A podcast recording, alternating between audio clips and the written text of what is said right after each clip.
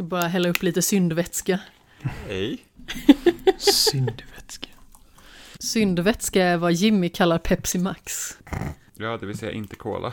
Syndvätska låter, det är mer vad jag typ kallat typ eh, sperma. Ja, ni snuskiga människor som tänker på sånt. Aha. Syndvätska är Pepsi i mina öron. Jag hade förstått precis om någon hade sagt syndvätska till mig. Jag hade bara sagt ah, Pepsi. Och den andra hade varit ja, precis.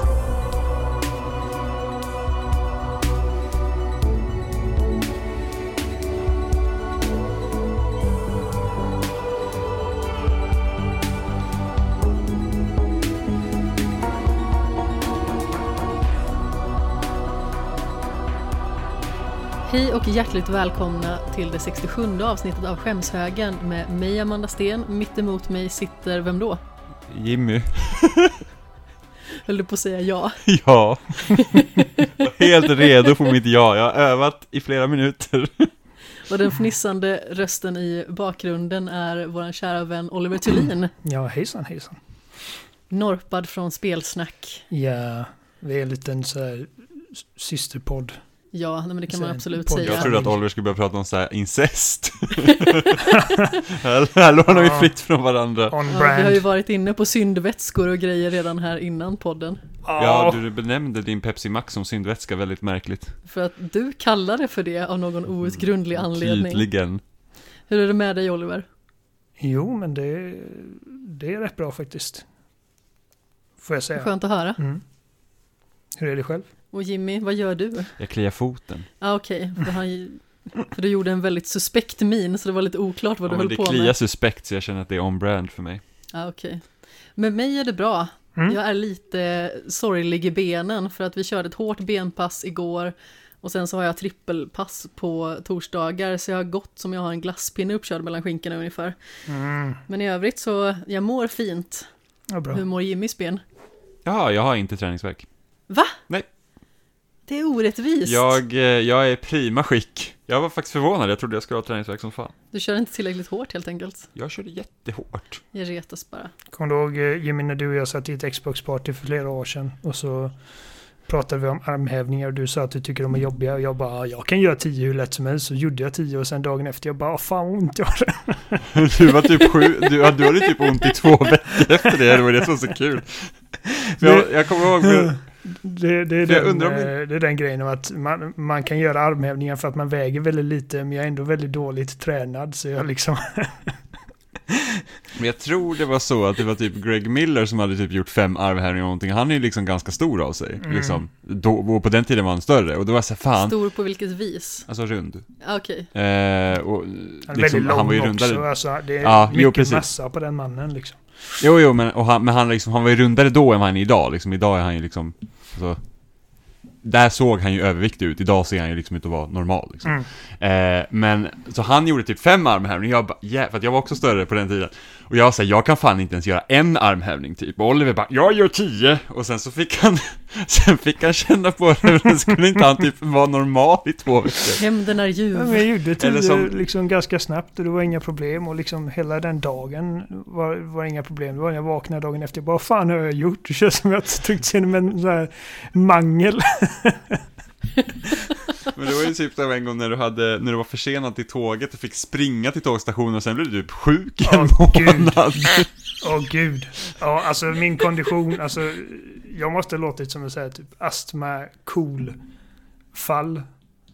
Jag kommer inte ihåg varför Åh, jag hade det i telefonen då medan jag sprang men det hade Jag tror vi hade spelat tillsammans och sen skulle du behöva dra och så fick jag följa med. Ja. På en liten tur. Ja. På lur på Och tur. jag insåg liksom, fuck, jag kommer inte hinna med. Och det kanske är liksom, ja, en kilometer, en och en halv kilometer till stationen. Så jag börjar springa och jag inser liksom att, alltså bara redan efter de typ 50 första metrarna så är jag bara, alltså jag, jag kan typ kollapsa. Jag har så dålig kondition, mina ben bär mig inte. Eh, det var ren desperation och jag bara, alltså, för att jag bodde ganska, alltså nu bor jag ju mitt i smeten i Göteborg men då bodde jag hos mina föräldrar och de bor ganska långt ut liksom på en så här glesbygd. Eh, och eh, hade jag missat den bussen, jag kommer inte ihåg vart jag skulle men jag var tvungen att passa någon tid, det kanske få bio eller någonting. Och hade jag missat den bussen så hade nästa gått för liksom en och en halv timme senare så jag bara jag måste hinna med den här jävla bussen. Eh, och det var liksom, alltså jag hade ont. Alltså när jag, när jag satte mig på, på bussen var liksom, alltså jag hade ont i lungorna. Och hela kroppen bara skrek och sen blev jag sjuk. Och jag blev liksom, jag återhämtade mig inte på flera veckor, precis som Jimmy sa. Jag är Jag också riktigt haft så dålig form. sorgligt ögonblick. Alltså nu är jag inte otränad och sådär, men jag har ju kanske liksom inte fokuserat så jättemycket på kondition, i alla fall inte de senaste åren i synnerhet. Men det var några år sedan som jag hade kört ben. Det var blixthalka ute. Jag hade inte bil och sen så hade jag kontorsskor på mig vilka är ganska så hala. Så jag fick någon form av så här styltig steppdans till tåget. Plus att jag har ju lite problem också när jag springer och börjar låta lite som Darth Vader ungefär. Ja, men jag, alltså jag, jag tog blodprover för, för att jag, jag miss, började misstänka. Jag tror det var när jag kollade på House. Och det var någon karaktär där som det visade sig att hans problem var att han hade låg testosteron. Ja. Och jag bara, alltså mycket av det här stämmer fan in på mig. Så jag började gräva lite i det. Och eh, det var liksom, okej, det finns typ tio så här vanliga, eh, hur ska man säga, eh, symptom. Tecken. Ja, precis. På, på då, låg testosteron. Det är väldigt ovanligt att man har alla. Men det, är liksom, det här är några av dem. Jag hade typ åtta av tio. Ehm, och så tog jag de här proverna och liksom, nu kollade jag typ i min journal. Jag har inte fått återkoppling än så jag har inte fått kontext. Men alltså det stod liksom att referensvärdet eller normalvärdet låg, man ska ligga någonstans mellan 8,3 och 30. Ja. Vad det är för mått vet jag inte, men alltså 8,3 och 30. Så jag tänker liksom kanske 15 normalt. Jag låg på 7. Oj. Eh, och som sagt, jag har inte haft... Det är nästa vecka vi ska prata om det med en läkare, så det kanske är att jag liksom läser fel på de här numren. Men jag bara, ja, det makes sense. För att jag har typ... Jag är ganska spinkig, men jag har lite av en sån här ölmage. och det, det, är tydligen, det är tydligen liksom vanligt att man får, att man typ eh, får bukfett. Eh, att man alltid är trött. Jag är typ jämntrött. Jag kan sova 12 timmar och ändå vara trött. Eh, att... Eh, ja, nej, jag vill inte gå in på för personliga grejer. Men alltså, ja, det ska bli intressant att se. Det är också en sån grej liksom att eh, typ träning och sånt har liksom mycket, minskad effekt när man inte har tillräckligt eh, testosteron. Så jag tänker att jag kanske får så här tillskott och sen så kommer jag gå runt som Kratos och bara...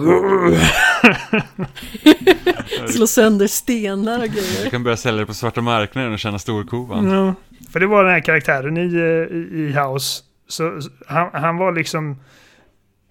Alltså enligt den här serien då så var han liksom tydligen väldigt kvinnlig, väldigt öm och typ omtänksam. Eh, och så fort han fick det så här testosteronet så blev han ett sånt jävla rövhål. Jag bara... Okej. Jag tror i och för sig att det är nog inte helt sanningsenligt det där kanske. Nej. Det enda är att sådana som typ tar Alltså preparat, typ såhär bodybuilders och sånt, de blir ju aggressiva. Jo, det ja, kan ju vara en biverkning, men liksom då är det ju Då lägger du ju på Det du redan har. När man i så fall slutar ta anabola till exempel, då är ju kroppen i sådan obalans så att då behöver den kompensera.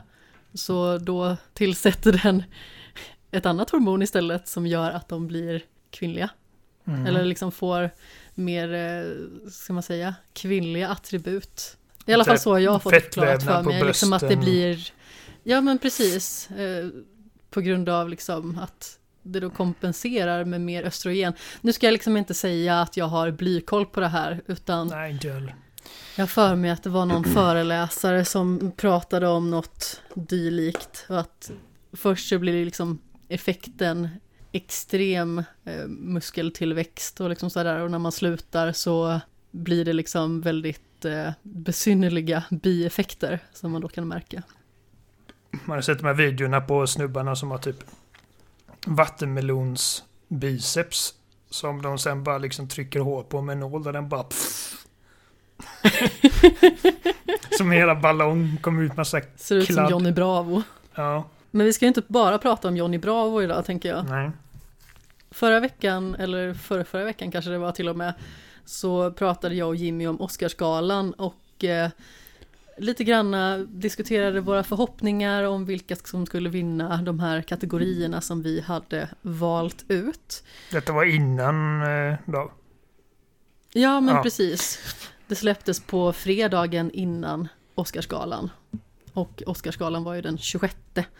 Så eh, som en liten så här upptakt inför galan och vad vi helt enkelt hade för tankar kring de här kategorierna. Och vi tänkte göra som sist, att vi går igenom kategorierna, jag och Jimmy tar varannan. Och sedan så säger vi vilken kategori det är, vem som vann, eh, diskuterar lite eh, allihopa naturligtvis vad vi har för eh, tankar kring det. Eh, kanske om man hade hoppats på någon annan. Och du också Oliver naturligtvis. Får jag det? Ja, självklart. du får hoppa in, du får Förlåt, också Oliver vara gör ett med. ljud, var tyst!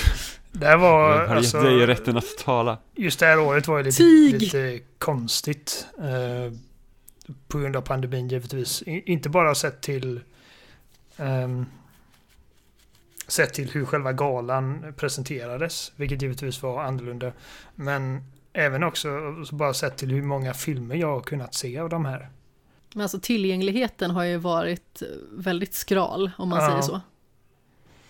Men jag hade sett... Typ en av eh, mina favoritfilmer eh, här, eh, Promising Young Woman, jag hade typ inte hört talas om den innan vi såg den. Och jag blev helt knockad. Mm. Ja, det, det är en av dem som jag inte har sett än. Uh, ska vi se, vilka, jag försöker hitta... Eller i och för sig, vi kan ta det när vi kommer till den kategorin. Jag vet inte vilken, vilket format ni vill ha här. Jimmy, du kanske kan eh, länka listan om du vill? Det kan jag göra. Men jag tänker att vi börjar, för det är ändå jag som eh, sparkar igång med första kategorin. Och bästa regi vann Chloe Zhao med Nomadland. Och jag har för mig att det var du som eh, siade om att den skulle vinna Jimmy. Ja, Jag trodde ju att No Man's Land skulle vinna massa priser, vilket den också gjorde. Ja, det gjorde den, absolut. Och jag tror till och med att jag valde Chloe Zhao här, för bästa regi. Det gjorde ju inte jag, jag valde ju Emerald Fennell. Som regisserade Promising Young Woman. Okej, ska vi se. Så de nominerar Thomas, Vin Thomas Winterberg en runda till. Är det en svensk film alltså? Eller Dansk. Druck, som den heter på danska. Dansk med Dansk. Mads Mikkelsen i huvudrollen. Ja. Okej. Ja, exakt. David Fincher med Mank. Another Round tror jag den hette va? Ja, Eller någonting sånt på engelska.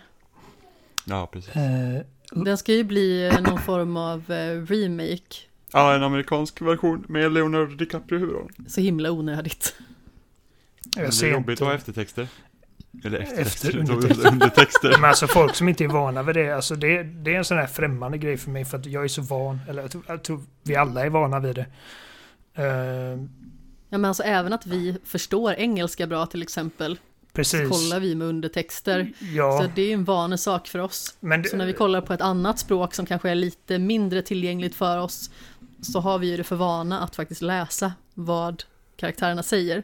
jag kollar alltid med undertexter för att det, liksom, det, det blir alltid någon gång i filmen då jag inte förstår en, viss dialekt eller att det är något ord jag missar eller att ljudmixningen inte är helt perfekt. Jag vet att det är en sån grej som Christopher Nolan får skit för i USA för att jag hör fan inte vad folk säger men det har aldrig varit ett problem för mig för att jag har undertexter. Ehm, Batman!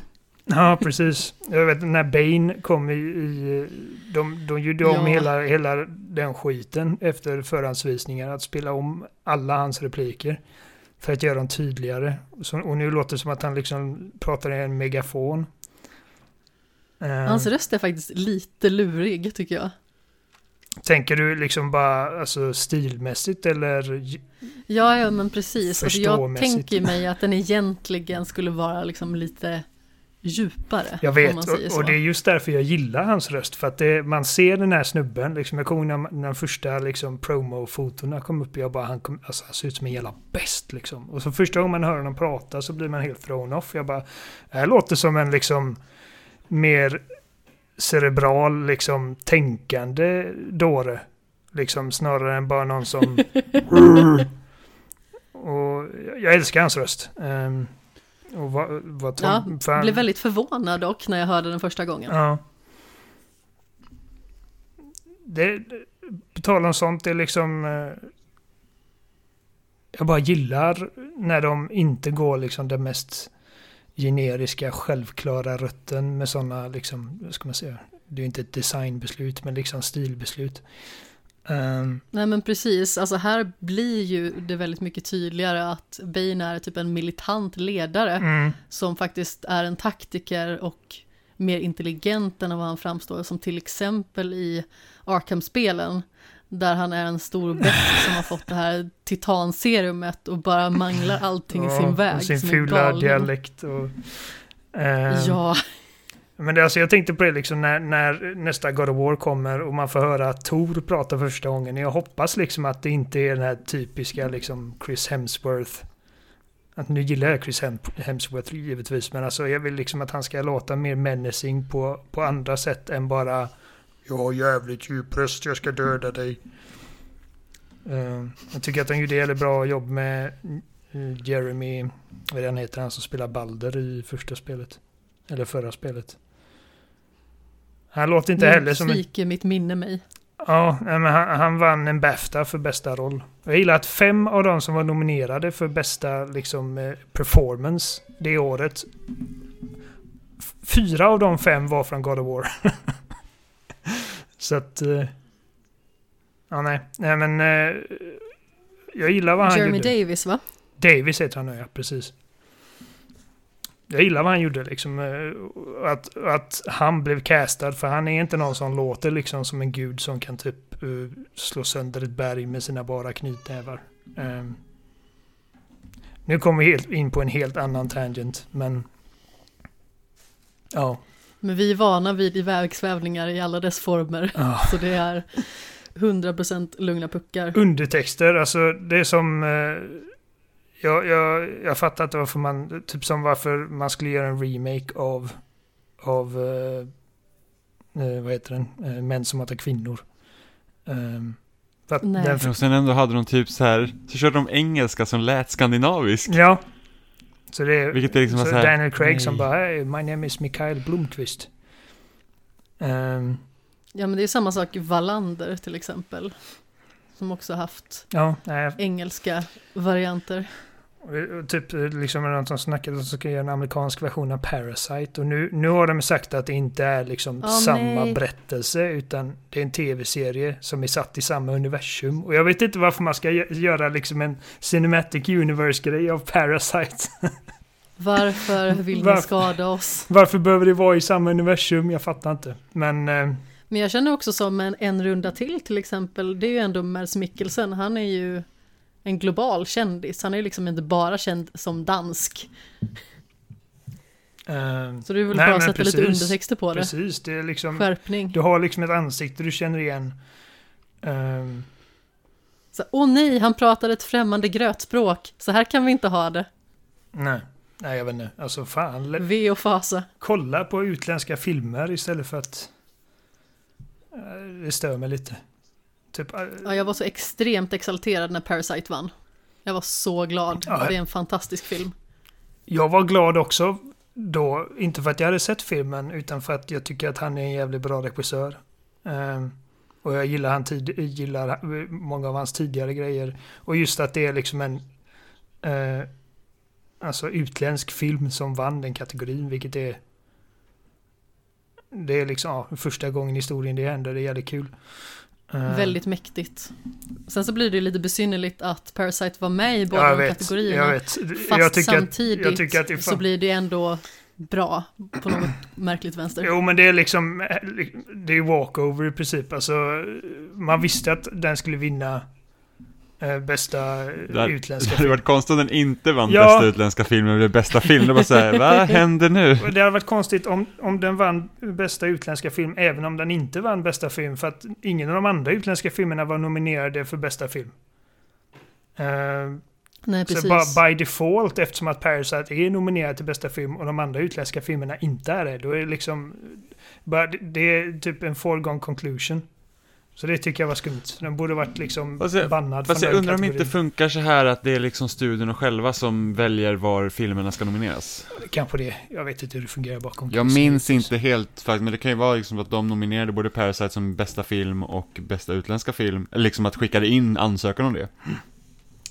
Och sen de andra har inte gjort det till exempel. Ja, Jag, jag kommer inte ihåg om det är exakt så det funkar. Parasite äger, men... eh, jag skulle bara fråga, har ni sett Nomadland? Ja. Ja, vi har sett alla filmer som är nominerade till bästa film. Ja, okej. Eh, vi- Den finns på Disney Plus ja, jag och Jenny, vi såg den eh, i efterhand nu då.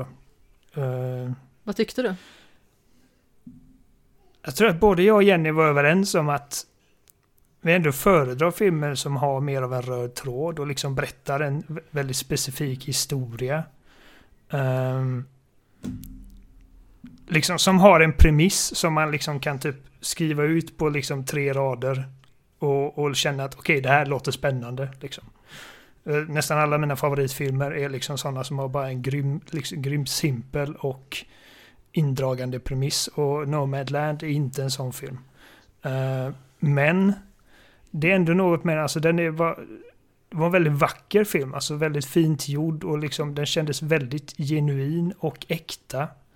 Och Väldigt lågmäld också. ja, den var vis. liksom inte melodramatisk, den var inte överdrivet eh, sappy heller, även om det handlar liksom om kvinna som i princip är hemlös. Även om hon säger att hon inte är det för att hon har liksom en skåpbil som hon har gjort om till ett liksom beboeligt ruckel. Så det är liksom inte en sån snyftarfilm. Den här karaktären går inte runt och, och tycker synd om sig själv. Utan det är liksom Nej, man får följa precis. henne liksom i hennes liv. Och det händer liksom inget speciellt egentligen. Hon bara liksom jobbar lite här, jobbar lite där. Pratar med lite, de här människorna, får en relation med någon kompis där. Och det är liksom i slutändan så, så har den inte Filmen har liksom inte tagit dig på liksom en särskilt definierbar resa men det känns ändå som att den har mycket att säga. Och mycket, många av de här Nomad karaktärerna i filmen är tydligen inte ens riktiga skådisar. De är, de är sådana riktiga nomads. eh, som bara spelar alternativa versioner av sig själva. Eh, Ja, men exakt. och jag tror att det, det bidrar mycket till liksom det som jag kände liksom redan innan jag läste på om det. Liksom att den känns väldigt genuin och autentisk. Ja, definitivt. Så... Ja, ja men den... Hon Chloe tycker jag liksom alltså det är absolut en välförtjänt... Eh, en välförtjänt vinst på regin för att de, de har väldigt eh, liksom väldigt bra fingertoppskänsla liksom i hur den är ihopsatt. Eh, Jag håller med. Sen så tyckte jag ju inte att den skulle vinna för att jag hade en annan favorit.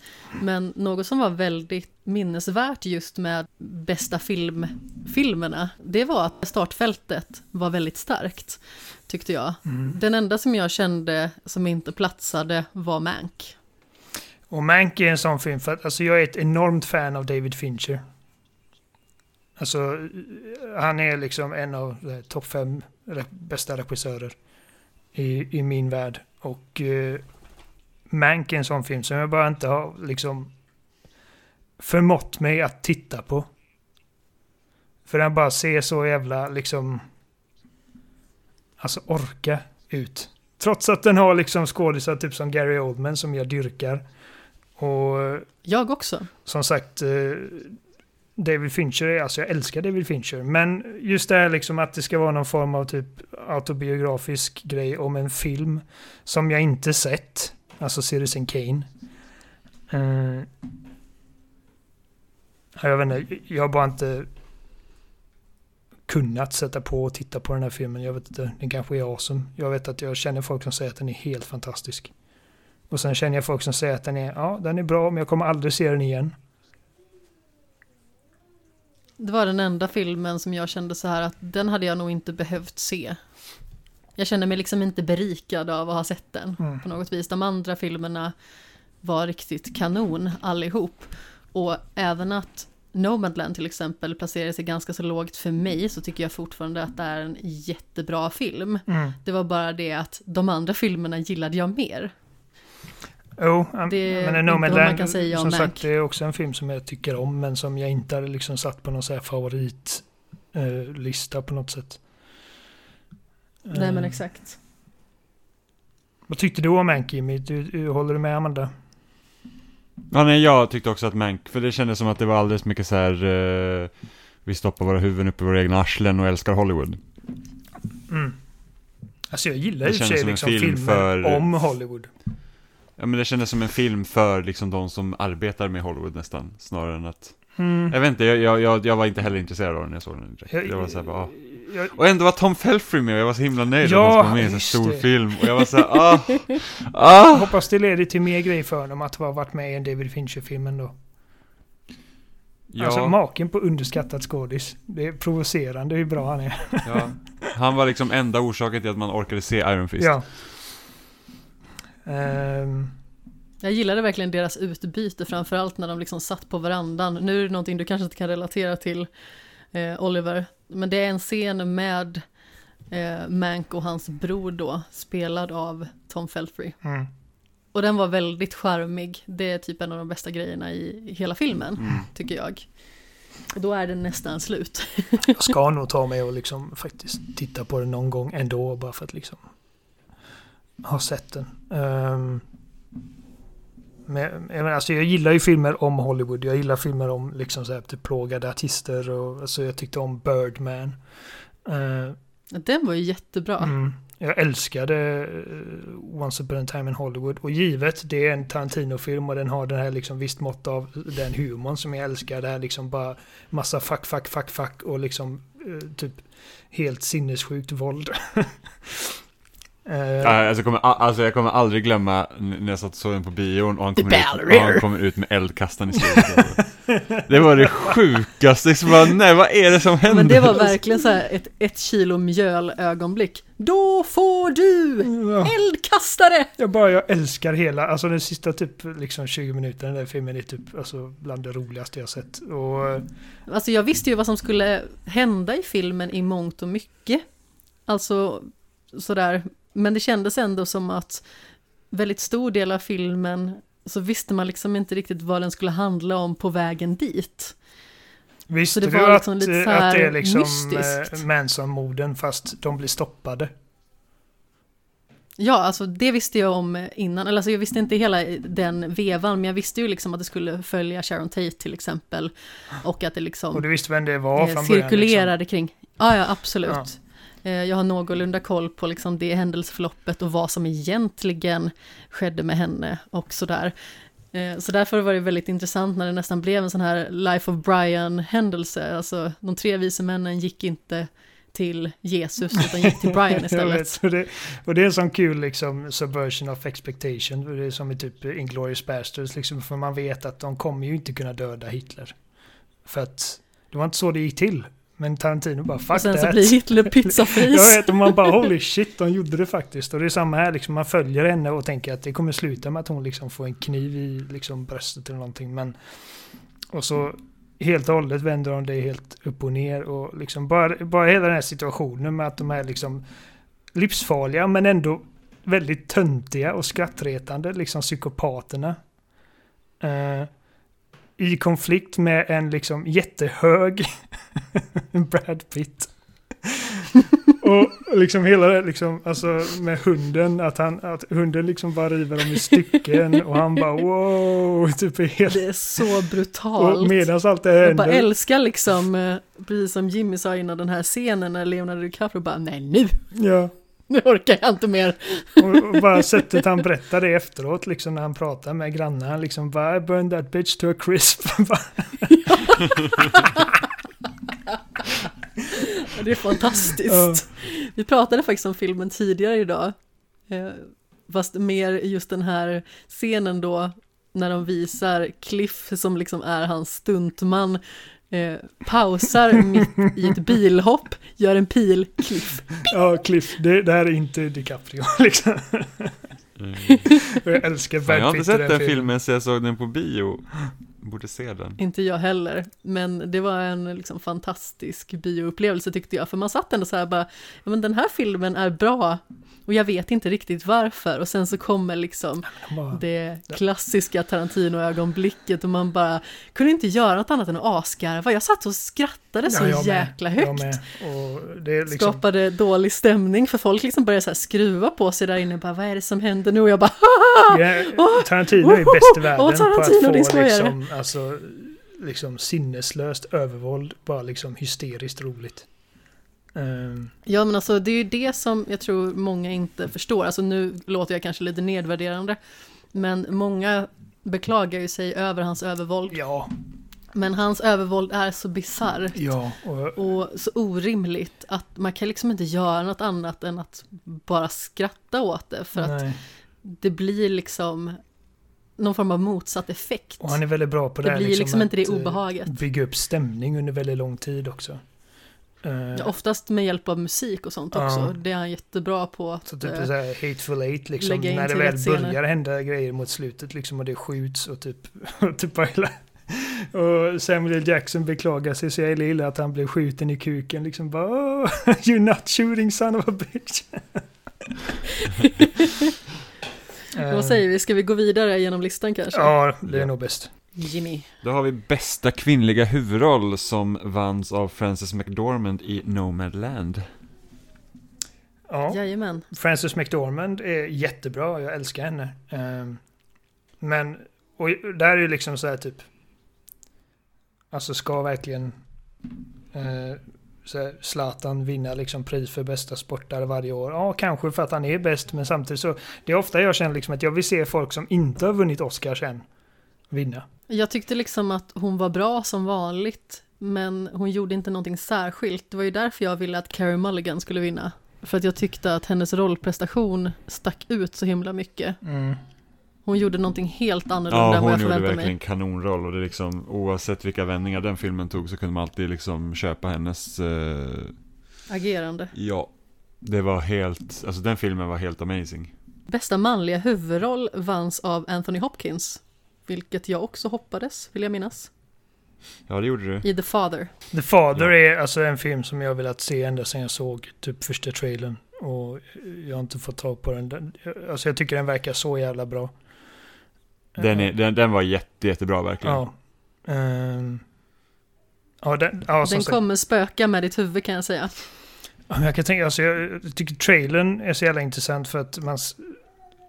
Och jag har inte sett den så att detta är ingen spoiler för att jag kan inte spoila den. Men jag får liksom känslan av att filmen liksom berättas i icke-kronologisk ordning för att ytterligare liksom för, sätta det i hans liksom bara sinnesförvirrade tillstånd. Och liksom att de byter ut eh, skådisen på hans dotter för att han inte känner igen henne i vissa dagar. Eh, Mm. och som sagt, det är bara grejer jag liksom antagit baserat på trailern. Och jag tycker att det är väldigt spännande. Och bara det här liksom med demens, för att jag har haft eh, mycket kontakt med folk, eh, så här äldre män som, har, som lider av demens. Och det är fruktansvärt att se. Och liksom, jag menar, det är bara, det är en väldigt bra, eh, ska man säga, utgångspunkt för att berätta liksom ett drama på. Eh, liksom hur en person liksom monteras ner inifrån. Ja men exakt. Och sättet de gör det på är fenomenalt tycker jag verkligen. Eh, jag pratade en del om min farmor senast. Hon är ju gammal och har just fyllt 89. Och eh, det har kommit en ny sån eh, liten berättelse om henne nu när pappa var nere och skulle fira henne på hennes födelsedag. Då var min bror också med. Och eh, då i alla fall så satt hon typ under hela deras firande. Men vi har inte setts förut. Liksom sådär. Mm. Till min bror hela tiden. Och sen efteråt, bara, åh men gud vad kul det var att träffa Ludvig och barnen. Men däremellan liksom så sker det ju någon form av kortslutning. Mm. Mm. Jag vet, vi var, jag och min familj, vi ställde upp att ta hand om eh, en äldre herre som heter Jimmy av, av en händelse. Eh, Hallå! en irländsk man. Eh, för att eh, liksom... För att han var rätt aggressiv. Och eh, hans fru, som också är liksom uppe i ålder, liksom inte riktigt kunde hantera det. Så vi ville ge henne en paus i några dagar liksom. Och eh, alltså det kunde vara läskigt ibland liksom. För att han typ, alltså... Jag vet att han eh, klockade min lillebrorsa liksom med, med knytnäven vid ett tillfälle. Va? Ja, för att, för att vi inte lät honom bara gå ut liksom. Och gå ut på stan och typ leka liksom. För att ja, men jag är ju vuxen, jag, ni kan inte hålla mig fast här inne. Du är inte min riktiga mamma. Nej, men han fattade inte vad han var. Liksom. Jag tror att vissa gånger så visste han inte vilka vi var heller. Och eh, alltså, vi fick ringa polisen vid tillfället. Förmodligen för att inte. Han hade liksom stuckit. Um, ja, nej, det, det är tragiskt. För man vet ju liksom att alltså, alltså innan han blev sjuk så var han liksom en bra människa. Och nu plötsligt så är han så förvirrad och så liksom utan sig att han, han blir desperat och farlig. Men Anthony Hopkins, jag har en soft spot för honom. Jag älskar Anthony Hopkins. Ehm, Ja, Jag också. och eh, jag menar, jag tycker att eh, liksom alla, alla de här Även om jag inte sett Ma Rainey's Black Bottom och Mank eller Minari. Jag har sett Sound of Metal. Och jag tycker att... eh, Den var, den var jättebra. Jag hoppas ju att Riz Ahmed skulle få ta hem Ja, och jag kände också det liksom att eh, han, eh, ja. Eftersom, alltså det, det, är, det är den enda prestationen här som jag faktiskt har sett. Så jag kände liksom att ja, men det, är, alltså, det är definitivt en Oscarsvärdig roll. Och sen vet jag liksom inte hur mycket bättre de andra kan vara eller inte är. Liksom, så att, eh, jag hade ingen aning om vem det är som skulle ta den. Men eh, medans jag tycker att Anthony Hopkins är fantastisk och jag, liksom, jag vet att han är det. Och så är jag återigen inne på det här liksom att ja, men han, han har liksom sin Oscar och det hade varit kul att se Reese eh, ta den. Och det hade även varit kul att se Steven Jun ta den för att eh, det hade känts lite otippat tycker jag. Eh, liksom eh, att vara främst då känd för typ Walking Dead. Och ja, nej. Ehm, men som sagt, alltså säkerligen jättevälförtjänt för att liksom jag, jag har länge hört liksom att han gör en helt fantastisk roll i den här filmen. Och jag ser väldigt mycket fram emot att se den när den blir tillgänglig. Då går vi över till eh, birollerna tänker jag. Mm. Då är det bästa kvinnliga biroll som vanns av Yu Yang Yoon från Minari. Också otippat men välförtjänt. Jag tippade den här. Det gjorde du och jag valde Olivia Colman. Ja. På tal om folk man älskar, Olivia Colman är Hon är underbar. hennes Oscars tal när hon vann för uh, uh, the, the, the, the, The favorite. Favourite. är typ ett av mina favorittal någonsin. Ja, Hon är så tagen Ja, verkligen. liksom det är typ- fantastiskt att se. Alltså hon är inte sådär liksom uh, fjantigt uh, liksom gråtig. Utan hon är bara liksom charmigt liksom berörd. Och så charmig och ja. Men så återigen. lätt att tycka om. Ja, verkligen. Men återigen, hon har fått sin Oscar liksom. Jag är nöjd. Uh, jag har ingen aning om vem den här, uh, vad heter hon? Yu Jung? Uh, vem hon är. Jag vet inte om jag har sett den i Hennes namn förut. låter som olika betoningar av samma ord. Yoon. jag vet inte, jag, jag säger det förmodligen inte rätt. Hon, har du sett Minari Oliver? Nej. det har du inte gjort. Nej, hon spelar farmor där, hon gör jättebra roll Mm. verkligen. Alltså hon typ gör hela den filmen. Min, Mormor vill min jag ära säga. vill jag också se. Alltså, eh, ja. Den verkar också riktigt bra. Däremot här kände jag, alltså hur roligt hade det varit ifall Maria Bakalova vann för Borat? det hade varit mycket besynnerligt. Alltså, nu har jag inte sett filmen. Ni har inte gjort det? ändå. Okej, den har jag sett. och... Eh, alltså, jag kommer ihåg eh, inför intervjuer så snackade... Eh, vad heter han? Eh, Sacha Baron Cohen. Han snackade om att alltså, det är... Det är en skandal ifall hon inte blir nominerad för, eh, för en Oscar för den här filmen. Jag bara väntar lite nu alltså. Vänta men, nu. alltså vad vad är det hon gör? Men sen så när man sätter i kontext liksom att hon är in character liksom jämt i helt oskriptade situationer. Eh, och de, de, vet inte hur folk kommer reagera. Um, ja, nej, det är imponerande. Och särskilt med tanke på att hon är så, liksom en sån novis. Alltså jag tror att... Om inte detta är hennes första film så är det en av dem tror jag. Jag kan ha fått det om bakfoten. Men det, när, när, det är först när man liksom får kontexten om hur filmen gjordes som man inser liksom hur imponerande det är. Alltså hon går upp i ett hotellrum med ett jävla kräk, alltså han eh, Rudy Giuliani. Eh, Åh, oh, kära någon. In character och liksom... Usch. Alltså Sasha Baron Cohen sitter liksom i i en garderob i det här rummet med mobiltelefon. Alltså, Såklart han gör.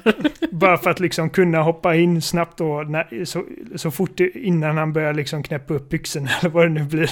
För de vet ju inte vad han kommer göra när de går in i det här hotellrummet. Um, och ja, nej, alltså kolla upp det ni som är intresserade. Liksom, googla upp det liksom hur, hur den scenen gjordes för att det var liksom Uh, allting hängde på att Borat kunde liksom, Borat, Sasha Baron Cohen, kunde få liksom fida till sin mobiltelefon vad det är som händer i det här rummet. Uh, så han kan ingripa när han behöver. Och hans mobilbatteri håller på att dö. Åh oh, nej. han bara fuck. Uh, så Ja, nej. Även om det, det är ju liksom ingen... I, I sig när man tar det att face value så är det ju liksom ingen liksom uh, stor... Storslagen liksom dramatisk skådespelarinsats. Utan det är mest med kontexten då. Och det hade varit jävligt kul ifall liksom om en film som Borat, Subsequent Movie Film, kunde kamma hem en av de här liksom tunga kategorierna. Ja, men precis. Eh, apropå Sacha Baron Cohen är nästa kategori bästa manliga biroll mm. och där var det ju Daniel Kaluuya som vann för Judas and the Black Messiah. Daniel Kaluuya är jättebra. Eh, Verkligen. Och, eh, Fantastisk. Återigen, eh, det, det, är ett liksom genomgående tema. Jag har inte sett den här filmen. Men eh, alla som har sett Get Out vet att han är helt fantastisk. Japp. Jag hoppades att hans motspelare Lakeith Stanfield skulle vinna. Det är det också. Och det här var någon... Lakeith är också hur jävla bra som helst. Ja. Men här var ju en sak som är rätt så konstigt. Hur kommer det sig att de här båda är nominerade som bästa biroll? Varför inte en av de bästa manliga huvudroll? Ja, det är lite märkligt Lakeith faktiskt. borde definitivt ha varit för bästa manliga huvudroll nominerad för. För att han, jag skulle nog säga att han har huvudrollen i den filmen. Ja. Är det en sån det, det film som inte har en jättetydlig huvudroll. Jo, jag skulle säga att det är tydligt att Lakeith är huvudrollen. Har ni sett uh, också, The Departed? Ja. Vem skulle ni säga är huvudrollen i den filmen? Nu måste jag tänka så att det är rätt film. Är det, är det, visst är det Leonardo DiCaprio och Matt Damon mm. va? Nej, liksom gangster undercover-filmen. Av Martin Scorsese. Undrar om, inte jag, undrar om inte jag skulle säga att Matt Damon har huvudrollen där. Mm. Och jag hade ju sagt Det är så länge DiCaprio. sedan jag såg den. Uh, alltså det är antingen, alltså förmodligen kommer ju folk svara att det är en av de två. Uh, fast, fast det är så här att säga att båda har huvudrollen då? Alltså det, en film har ju ofta en huvudroll. Mm. Båda kan ju ha huvudrollen men det känns att bo, de båda liksom främsta karaktärerna i en film blir nominerade som biroller. Det känns lite märkligt. Ja, men jag tror att ja, i, den, i den filmen så var eh, liksom, de var överens om att vi har ingen huvudroll egentligen. Så att vi, vi avsäger oss från hela den kategorin. Och det kan hända att det är en liknande situation här. Att liksom skådespelarna och studion eller vad det nu är som bestämmer de här grejerna. Eh, känner det liksom att... Det är, mycket, det är mycket möjligt. Men ändå fick man liksom följa. Alltså det var Lakis huvudperson som man faktiskt fick följa. Mm. Mer eller mindre. Jag hoppades ju att Sacha Baron Cohen skulle vinna faktiskt i den här kategorin. Det hade också varit en kul, liksom, någon som är mest känd för Borat och typ Bruno och mer liksom komiska mm. roller. Om han hade fått... Ali G. Ali G, ja. Om han hade fått... Ja, eller uh, som uh, Ricky Bobbys nemesis i uh, Talladega Nights. Jag har inte sett. Alltså, Cohen är bra. eh, Men han är, han är ju mest känd för komedier och eh, jag tycker det är kul när liksom komediskådespelare liksom gör mer eh, seriösa roller. Alltså han har ju en komisk framtoning fortfarande, Jo. men det är alltid en väldigt seriös kontext. Och han skämtar ju liksom inte så att det blir eh, skratt på det sättet. Utan det är ju liksom lite mer underfundigt, det är lite mer sarkastiskt och eh, lite mer så ironiserande kring situationerna i sig. Mm. Sen vet jag inte om jag tycker att det var han som var bäst i den filmen, men jag, men jag motsäger mig inte det heller. Det är bara för att jag tycker att det är liksom flera riktigt bra prestationer i den filmen. Ja, definitivt. Jag gillar... tyckte alltså, jag, det stå, för mig står det mellan Sacha Baron Cohen och eh, Mark Rylance, tror jag. Men... Ja, Sacha Baron Cohen har nog mer att göra kanske i den här filmen. Men i alla fall, Så är det nog. ja. Det var inte han som vann, men kul med en nominering i alla fall. Ja, absolut. Nästa kategori. Eh, yes. Nästa kategori är bästa foto och där vann Mank. Vilket inte känns jätteotippat. Med tanke på de... Åh, vi är svårt kulturella med svartvitt. Ja, men alltså, jag tror det handlar mest om de här liksom obscena längderna de har gått liksom för att få en modern film eller, eller en film inspelad med en modern teknik att se så här. Jag såg någon, eh, jag såg någon liksom feature över liksom vilket sinnessjukt arbete som har gått in. Alltså varenda liten bildruta med liksom gryn och, och typ ljus och alla de här grejerna. Mm. Ehm, Ja, alltså det är säkert ett gediget hantverk så. Absolut. Jag tror att både jag och Jimmy var nog inne på Nomadland här. Ja, för att den är väldigt fin. Är den. Ehm, men som sagt, alltså det är liksom de här, de här kategorierna, de, de röstas ju liksom av folk. Om jag förstått det rätt. Så de som röstar fram bästa foto är folk som är liksom eh, fot, fotografer. Ehm,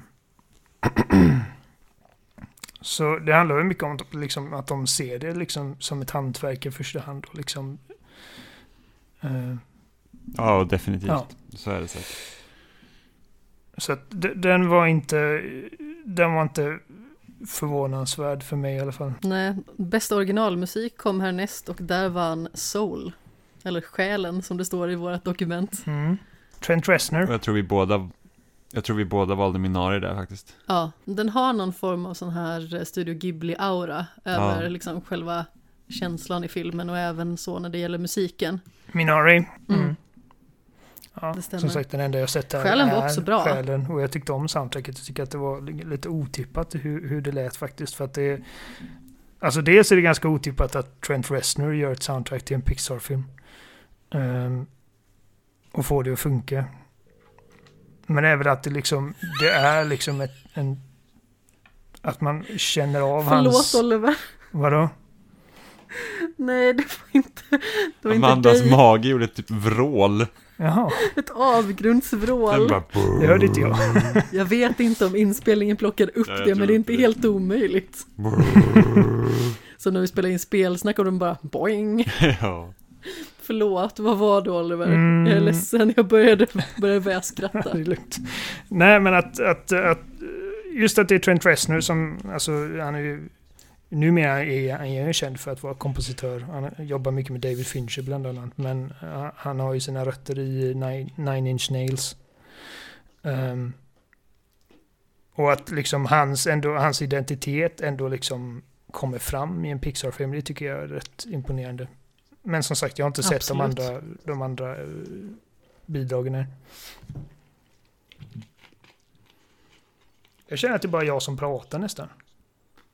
Nej, Jimmy, du, du, du säger inte så mycket. Men jag har inte så mycket att säga om musik faktiskt. Nej, men jag gillar också att du får säga ditt Oliver. Dels så är du ju gäst i podden och eh, det är ju Jimmy också även att han eh, Ja, k- så här, typ är konstant med gäst. När var det senast Ja, ni körde han en vägrar skämshögen erkänna att han är med. Jag, jag, är sån, jag är som den där stackaren som alltid så här, tills, eller så här visstidsanställd i alla år och blir aldrig, blir aldrig uppgraderad till heltid. Mhm. Så nu lägger du över det här på mig, Ja. skurkaktigt. Eh, nästa kategori är bästa manus efter förlaga och där vann, nej, förlaga, jag ska inte säga, jag är finsk, det är därför. Jaha, Så det, ja, det är faktiskt sant. jag vet. Mm. Eh, och där vann The Father. Är det alltså baserat The, på en, en bok eller? eh, Jag tror det är en bok, ja. Undrar vad Borat... Alltså dels är det kul att Borat eh, nominerades ens för bästa manus. Men vad är den baserad på? Bas- Borat the Subsequent Movie-film är baserat på Borat, the first movie. Ja, jag förstår inte riktigt. Jag vet faktiskt inte. Det, och det, det är väl också en sån grej liksom att ett gäng manusförfattare har tittat på de här olika bidragen. Och eh, tar i beaktning liksom att det här manuset är liksom skrivet... Alltså det kan inte vara, det kan inte vara lätt att skriva ett manus eh, som involverar människor som inte ens vet att de är med i en film. Eh, och få liksom de här grejerna att klaffa också. Så det är, väl, det är väl därför den finns på den här listan. För att liksom, jag kan inte tänka mig liksom att ifall man läser i manuset och man bara åh vilken jävla story. Ehm. men ja. Father. Ehm. om det nu är så bra som det verkar så känns det absolut som att det är välförtjänt. Och det var den jag hoppades på också. Ja, samma här. Bästa originalmanus däremot vann äntligen Promising Young Woman. Välförtjänt. Ja, det, det höll jag också med om där faktiskt. Den skulle ha fått så många fler Oscars enligt mig. Den var... De borde lyssna på mig med. Jag förstår inte varför de bara såhär, oh, that Amanda Steen. den, var, den var jättebra den filmen verkligen. Den hade du inte sett Oliver? Nej, Ja, den måste du se. ja, Alltså, jag, vill, jag, vill, jag, vill se, jag vill se alla de här filmerna. Men eh, ja. Eller ja. Förutom, Som sagt, det är nog den filmen som verkligen... Mank. utom Mank. Promising Young Woman var en sån film som verkligen överraskade mig gång på gång och det är det jag verkligen gillar med den också. Mm. Men den tappar aldrig liksom sin seriositet och det viktiga ämne som den faktiskt förmedlar. Mm. Ja, nej. eh, Som sagt, de här två så har jag sett Sound of Metal och uh, Trial of Chicago 7. Och eh, jag tycker att båda, liksom, båda är så förtjänta av nomineringen i alla fall. Men jag, jag har inte så mycket av en åsikt till vem som eh, vem som jag tycker borde ha fått den eftersom att jag inte sett tre av dem här. Ehm, manus, ja. Mm. Och sista kategorin då är bästa film. Och där vann Nomadland. Vilket jag trodde skulle vinna. Men jag hoppades att, eh, jag hoppades på att eh, Sound of Metal skulle vinna. Och jag hoppades på Promising Young Woman. Uppenbarligen, i och med att jag typ har nämnt den 8000 gånger redan i den här podden på två avsnitt. Mm. Men eh, jag är inte besviken att Nomadland vann. Det är väl lite så att det kändes som att det förväntade valet. Det är väl lite det som är tråkigt tror Ja, jag. men det är väl lite som du sa sist, att du såg den lite grann som eh, juryns gullegris på något vis. Och eh, det infriades ju. För mig var det här liksom alltså den som jag kände att ja, men det tråkiga eller det mest förutsägbara valet för mig var inte Nomadland utan snarare Mank. Helt enkelt för att det är en film om film och dessutom en film om Citizen Kane. Eh, och den är liksom, Som en historisk film verkligen. ja precis. Eh, så jag tror att, jag känner väl på förhand, ja den kommer liksom kittla många i en ak- akademi på hakan liksom. Eh, men... Jag undrar om inte, jag undrar om den filmen hade gått upp på bio istället för att vara en Netflix-film så kanske den hade kammat hem fler statyetter. Jag kan tänka mig att det är någon sån grej också. Möjligt. Kanske. Ja, det finns vissa purister Jag där kommer ihåg som, att det som var- inte är förtjusta i Det Netflix. var ju, det var ju snack om det för några år sedan om att nej, för att du ska kunna vara, bli nominerad till en Oscar så måste du gå upp på bio. Mm. Vilket är liksom så här, Löjligt. det är jättelöjligt. Det är så att det slutar inte vara en film bara för att du inte går på bio. Nej. Uh, jag skulle se, av de här så är det ju Nomadland och Trials of the Chicago 7 och Sound of Metal jag, jag har sett. Eh, jag vet inte vilken jag gillar bäst. Jag tror att Nomadland hamnar på, på, på tredje plats. Inte för att den inte är bra utan för att den inte riktigt är min typ av film. Eh, Trial of the Chicago 7 är nog mest min typ av film. Liksom väldigt rappt, väldigt liksom um, clever och uh, liksom har lite så här in cheek. Um, och jag älskar domstolsdraman. Det är liksom så här typ... Ja, alltså, det är jättebra. Bland det bästa jag vet. Um, den var ju jättelång också, jag tyckte att den kändes förvånansvärt kort. Ja, tiden. För att den liksom var så suggestiv och så indragande. Ja, och det var en sån film som jag bara satte på liksom helt random. Eh, en kväll när jag inte visste vad jag skulle göra. Och jag såg den själv liksom när Jenny och William hade lagt sig. Um, och jag förväntade mig liksom inte... För att för det första var jag inte medveten om att detta var liksom en, eh, en film av Aaron Sorkin som jag tycker är väldigt bra. Utan jag, jag, för, det, för mig var detta liksom bara mest vilken random Netflix, Netflix-film som helst. Jag hade liksom inga förväntningar. Och tiden bara liksom... Och det känns så rätt i tiden också med tanke på protesterna som vi ser idag. Och liksom eh, polisbrutalitet och hur liksom etablissemanget kör över den lille killen.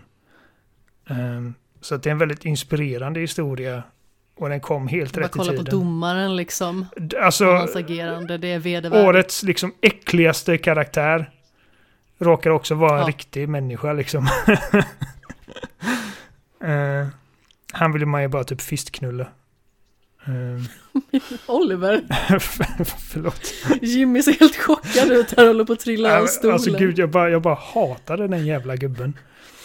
Jag också. Um, så att, ja. Ja, vedervärdig faktiskt. Men sen Sound of Metal, den var inte liksom, den, var, den hade inte samma som jag kände liksom att oj, att jag var helt liksom fastnaglad i, i sätet som med Trial.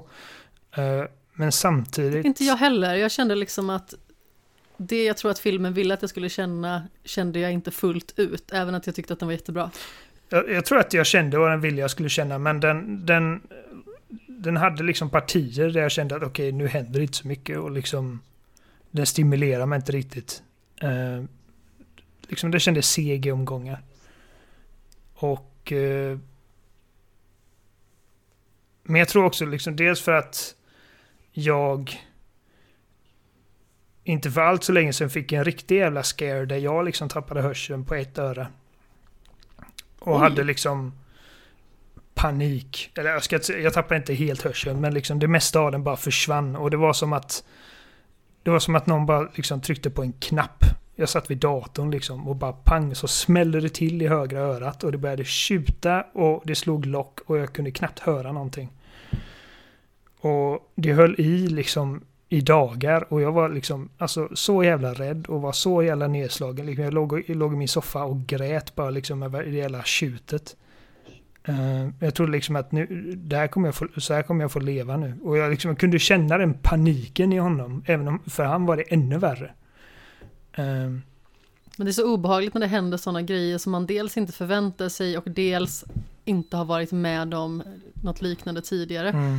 Nu i höstas tror jag att det var så fick jag en form av migrän. Nu kommer inte jag ihåg exakt vad den hette.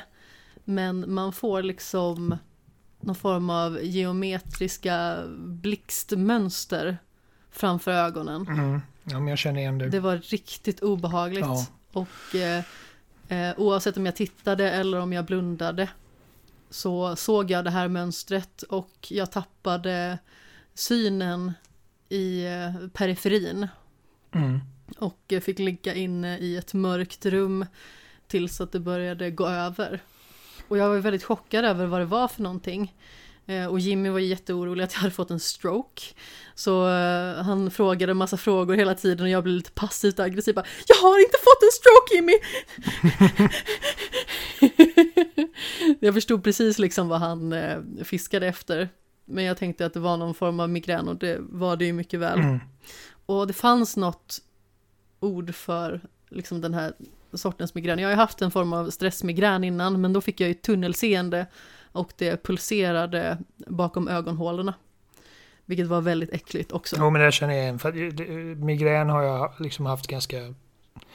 Alltså det är ganska vanligt för mig att jag får det. Och jag har haft det liksom hela mitt liv. Och det är liksom jätte, det är skithemskt. Nu är det inte lika läskigt för mig för att jag vet liksom att okej, okay, där, där går det över till slut. Um. Jag känner mig så nöjd att jag har ett ganska så lugnt liv. Där jag får diktera mina villkor ganska så mycket som jag själv vill. Eh, jag lägger min arbetstid som jag vill. Eh, jag jobbar ju väldigt tidigt. Jag jobbar ju typ från klockan 6 till klockan 2 på dagen ungefär. Sen några minuter hit eller dit eller kanske något litet avbrott eller vad det nu kan vara. Men den tiden funkar väldigt bra för mig. Sen så får jag min lur, jag får varva ner och sen så eh, spela, träna, göra allt annat som jag tycker är trevligt. Så min stress har ju minskat otroligt mycket. Mm. Och det var vad det visade sig för mig också för att jag var liksom hos läkaren två gånger under de här dagarna som jag inte hörde något på höger sida. Eh, och de hittade liksom ingenting. Eh, de såg ingenting. Så, så antingen var det liksom att, att det var liksom permanent skada eller så det mer troliga var att ja, detta är stress. Och jag kände liksom, jag har varit stressad sen jag liksom kom i puberteten. Jag har fan aldrig fått så här, mm. så jag liksom var övertygad om att alltså, det här är mitt liv nu och jag var helt knäckt. Um. Jag tror för övrigt att det hette så simpelt som ögonmigrän det jag fick. Ja, jag tror nog ja, ja, det låter bekant. Det som är ännu läskigare när det händer sådana här grejer, att det är alltid värst i början och sen vänjer man sig vid det, så att det är så här. Mm. Mm. Ja, jag vet. Det här är mitt liv. Ja, det, det ja, blir så. För att det är typ när... Innan jag fick veta att jag hade diabetes då, då var jag på tre konserter inom ganska kort tid. Så att jag hade ju pip i mina öron liksom, alltså flera månader efter det. För att eftersom mitt blodsocker var högt hela tiden så kan inte kroppen reparera sig. Mm. Vilket gjorde att det är inte så bra att gå på konsert utan öronproppar då. Nej. Eh, och då var det så att, ja ah, men det var ju jobbigt i början så här, det, det tjuter jämt. Liksom jag hör, det, så fort det är tyst så hör jag liksom ett litet brus. Mm. Men nu, det är inget kvar. Nu. Så nu sitter här Seppele och försöker dricka av min syndvätska här. Jag är törstig.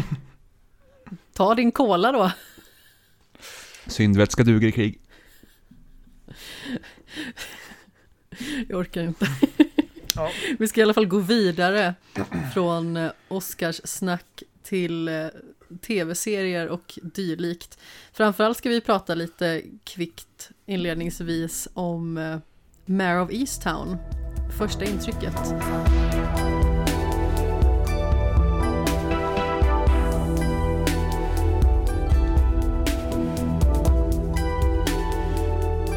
Det var ju du som tipsade oss om att se den Oliver. Mm, men jag tänkte alltså ni kollar på typ allt så jag tänkte det är bara en tidsfråga innan ni ser det. um. Snart så tar vi med det i våran så här rullande snöboll. Fast vi, har haft, vi har haft så väldigt många långkörare just nu så att vi har liksom inte sett... Det är ditt fel. Ja. Nej, jag skojar sett, bara. Vi har, men det är mitt fel. Vi har inte sett så mycket, så att vi kollade på Vänner i höstas. Ja, ända fram till precis efter nyår. Sen ja. kollade vi på Parks and Recreation. Ja, och sen så, nu ser vi Scrubs. Mm. Och liksom Vänner höll vi på med från typ september. Ja, det var... Tio säsonger. Typ, hårt typ jobb. 24 avsnitt per säsong. Ja. Typ 240 avsnitt. Ja, nej, det, det tar tid. Ja, mm. Men sen samtidigt, jag har varit på säsong tre på Simpsons nu i typ tre månader. Ja. Är det bara tre månader? Ja, men jag har inte jobbat så länge. Alltså jag ser typ två minuter på kvällen. Sen, ja, som, sen däckar jag alltså. alltså. på en gång och sen så bara, man ska spola dit vart man är så bara, ja, jag kan lika bara börja om. Alltså det roligaste var ju en av de första dagarna tror jag som Jimmy hade varit på sitt nya jobb. Och så sa jag någonting i stil med du är bäst i världen. Och så säger Jimmy så här, ja jag vet. och jag bara, sa du ja, jag vet? Jag vet inte. det var Amanda säger vad som har hänt, jag kan inte, mm jag kan inte intyga att det faktiskt så var fallet. Nej, för jag att du sov. pratade i nattmössan. Jag sov. Fantastiskt roligt, för du har inget minne av det här överhuvudtaget. Nej. Oliver, vad handlar Mare of Easttown om? Du har ju sett tre avsnitt och vi har sett ett. Mm. Uh... Det har kommit tre avsnitt kan vi säga av sju. Visst var det så? Ja. Ja. Precis. Jag kan inte prata så långt bort från mikrofonen känner du. Eh, det är ett... eh, oj, jävlar. Telefonen åkte ur fickan. River vi istället. Ja. Ehm, för, så, för mig, eller vad den handlar om. Det handlar om, eh, det är en, eh, kriminal, ett kriminaldrama i princip i en, i en, småstad där alla känner varandra.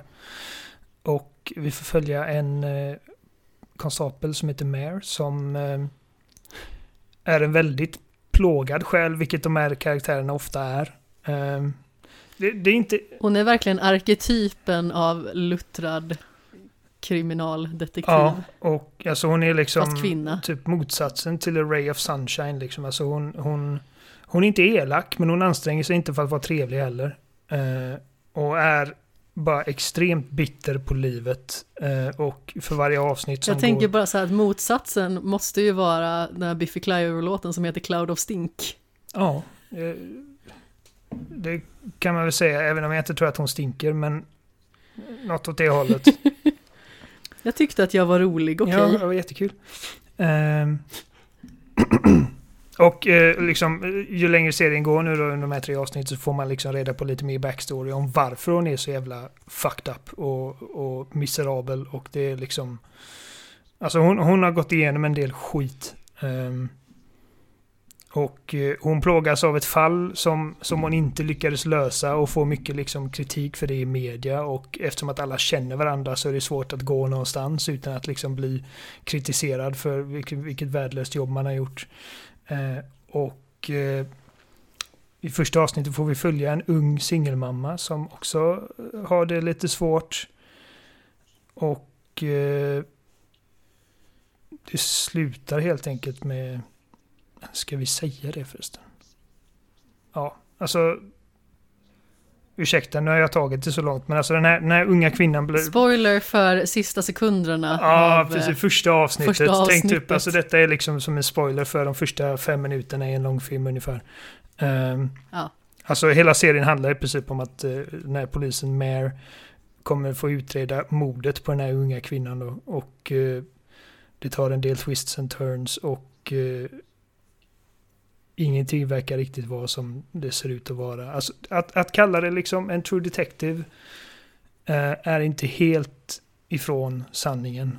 Eh, även om, Men alltså det har ju den här småstadskänslan Ja. verkligen. Och hur det påverkar människor och gör dem till de de är. True Detective är lite liksom, alltså, råare liksom i sitt... I, i, alltså det har inte mycket liksom våld i att det har liksom actionscener, men liksom de här kropparna. eh, Det är mörkt. Det är väldigt mörkt liksom och det har typ så här nästan liksom eh, creepy liksom symbolik och grejer. Medan detta är mer bara ett vanligt mord. Men det, det liksom skakar liksom fundamentet i det här lilla samhället så illa. Dels för att det är liksom nu den andra unga tjejen som har råkat ut för någonting. Eh, och alla känner varandra så att ingenting händer i ett vakuum. Och Eh, det är liksom en enda clusterfuck. Och för mig var det liksom... För mig räckte det med att bara veta att okej, Kate, Kate Winslet är huvudrollen. Det räckte för att liksom sätta igång första avsnittet. Um, för att Kate Winslet är fantastisk och hon är helt otrolig i den här serien tycker jag. Så verkligen Grade A, liksom en av de bästa grejerna jag har sett henne i. Hon spelar inte den typiska rollen som hon brukar spela heller. Eller den som hon spelar mest kanske, eller vad man ska säga. Ja, nej, Jag tycker Kate Winslet eh, har varit väldigt duktig på, precis som DiCaprio, att båda de eh, liksom fanns lite i riskzonen att efter Titanic hamna i liksom, okej, bara så här typ cheesy. Inte för att Titanic är cheesy, Romantiska men liksom, komedier. ja, alltså eh, mer romantiska grejer liksom, där vi typ har attraktiva människor med dramatiska liksom problem. Eh, och DiCaprio jobbade väldigt hårt för att liksom inte hamna i det träsket.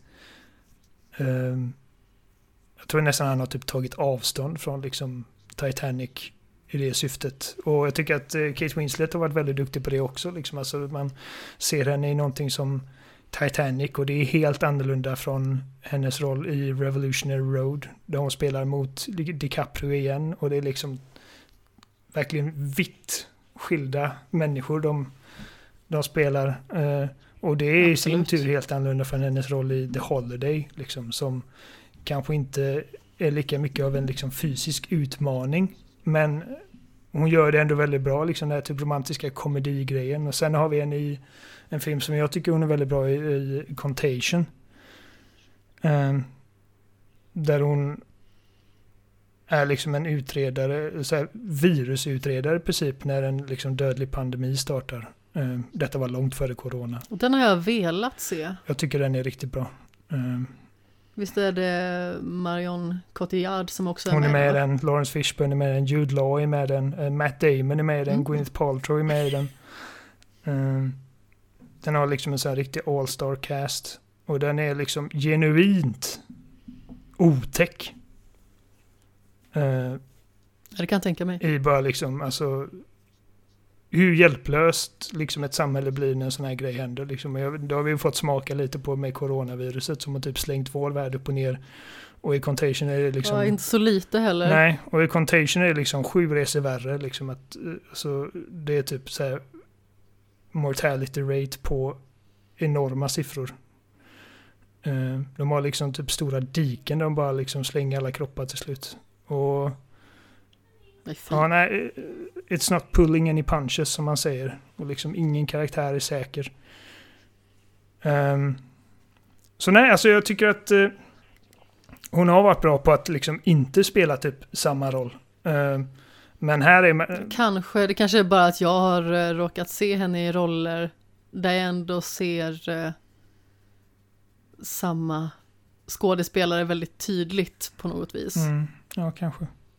Ehm. ja, nej men alltså här är hon liksom, alltså jag tycker inte att hon känns som någon av sina andra roller i den här, i den här serien. Ja, Jag tycker hon också är kanon verkligen. Liksom, Hon har en sån... Alltså det, Hon är så less. ja, och det är liksom, det är så... Det är liksom ett bra liksom, mått på en skådespelares liksom, eh, förmåga när man lyckas se den enorma jävla smärta de går runt på utan att de ens pratar om det. Eller gråter, eller liksom... Man bara ser det på rynkorna i hennes ansikte liksom.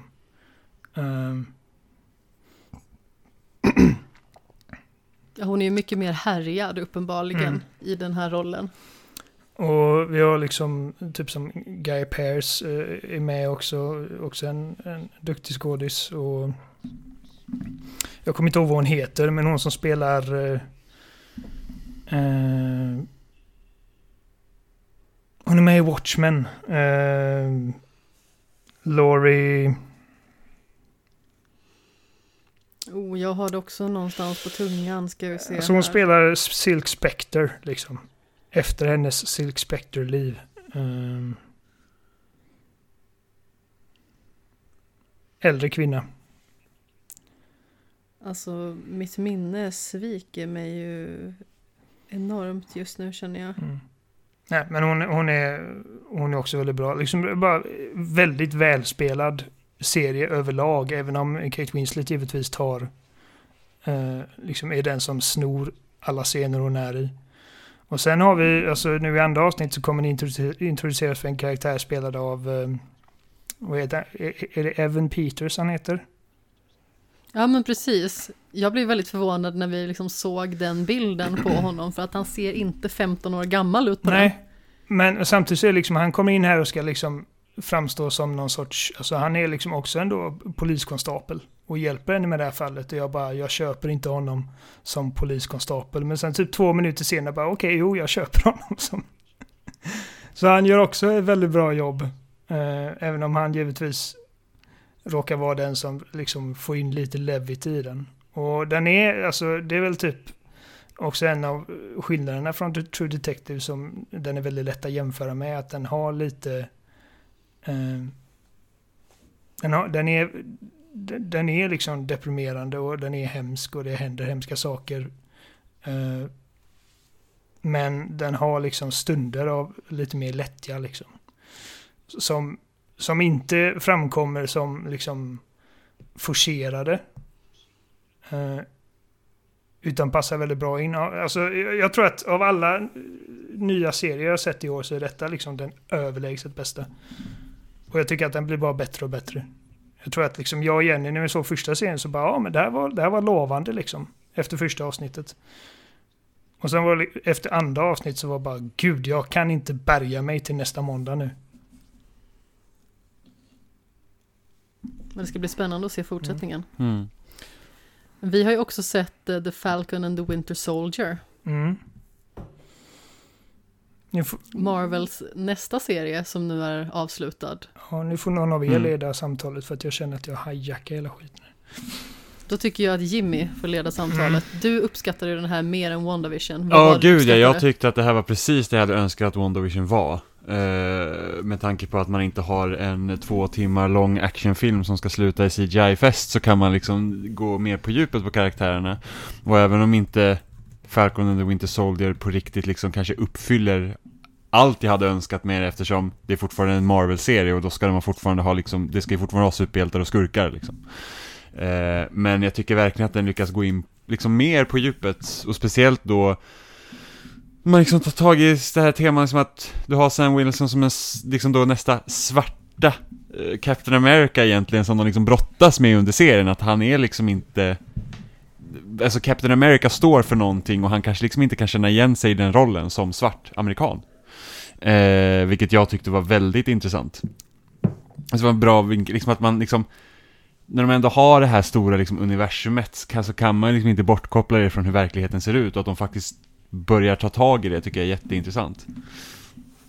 Jag uppskattade den biten väldigt mycket, liksom att få se hans transformation och att han eh, blev liksom successivt en ny Captain America. Och det var ju väldigt roligt, alltså vi ska försöka kanske inte spoila den så jättemycket, nu har vi kanske spoilat det viktigaste alltså, jag- i hela Fast vi serien. kan väl säga så här, jag tror att det är ingen som ens hade liksom undgått från att han Captain skulle bli America Captain 4 America. För det var en sak jag tänkte på idag när jag funderade på den här serien, det är det att För att jag undrar lite hur de kommer göra med tv-serierna, för tidigare när de haft sina liksom Ja men Netflix Marvel-serier och sen det här Agents of Shield och allt det så har de liksom bortsett från det sen i filmerna, att de spelar ingen roll längre. Nu är det Eh, nästan en brygga över till filmerna känns som. Precis, men samtidigt så de gjorde ju ändå ganska bekvämt för sig själv här för att har ingen sett den här serien nu så behöver inte det förklaras riktigt i nästa Captain America-film för att har man då sett Endgame och sen går man och ser Captain America 4 då har han fått skölden av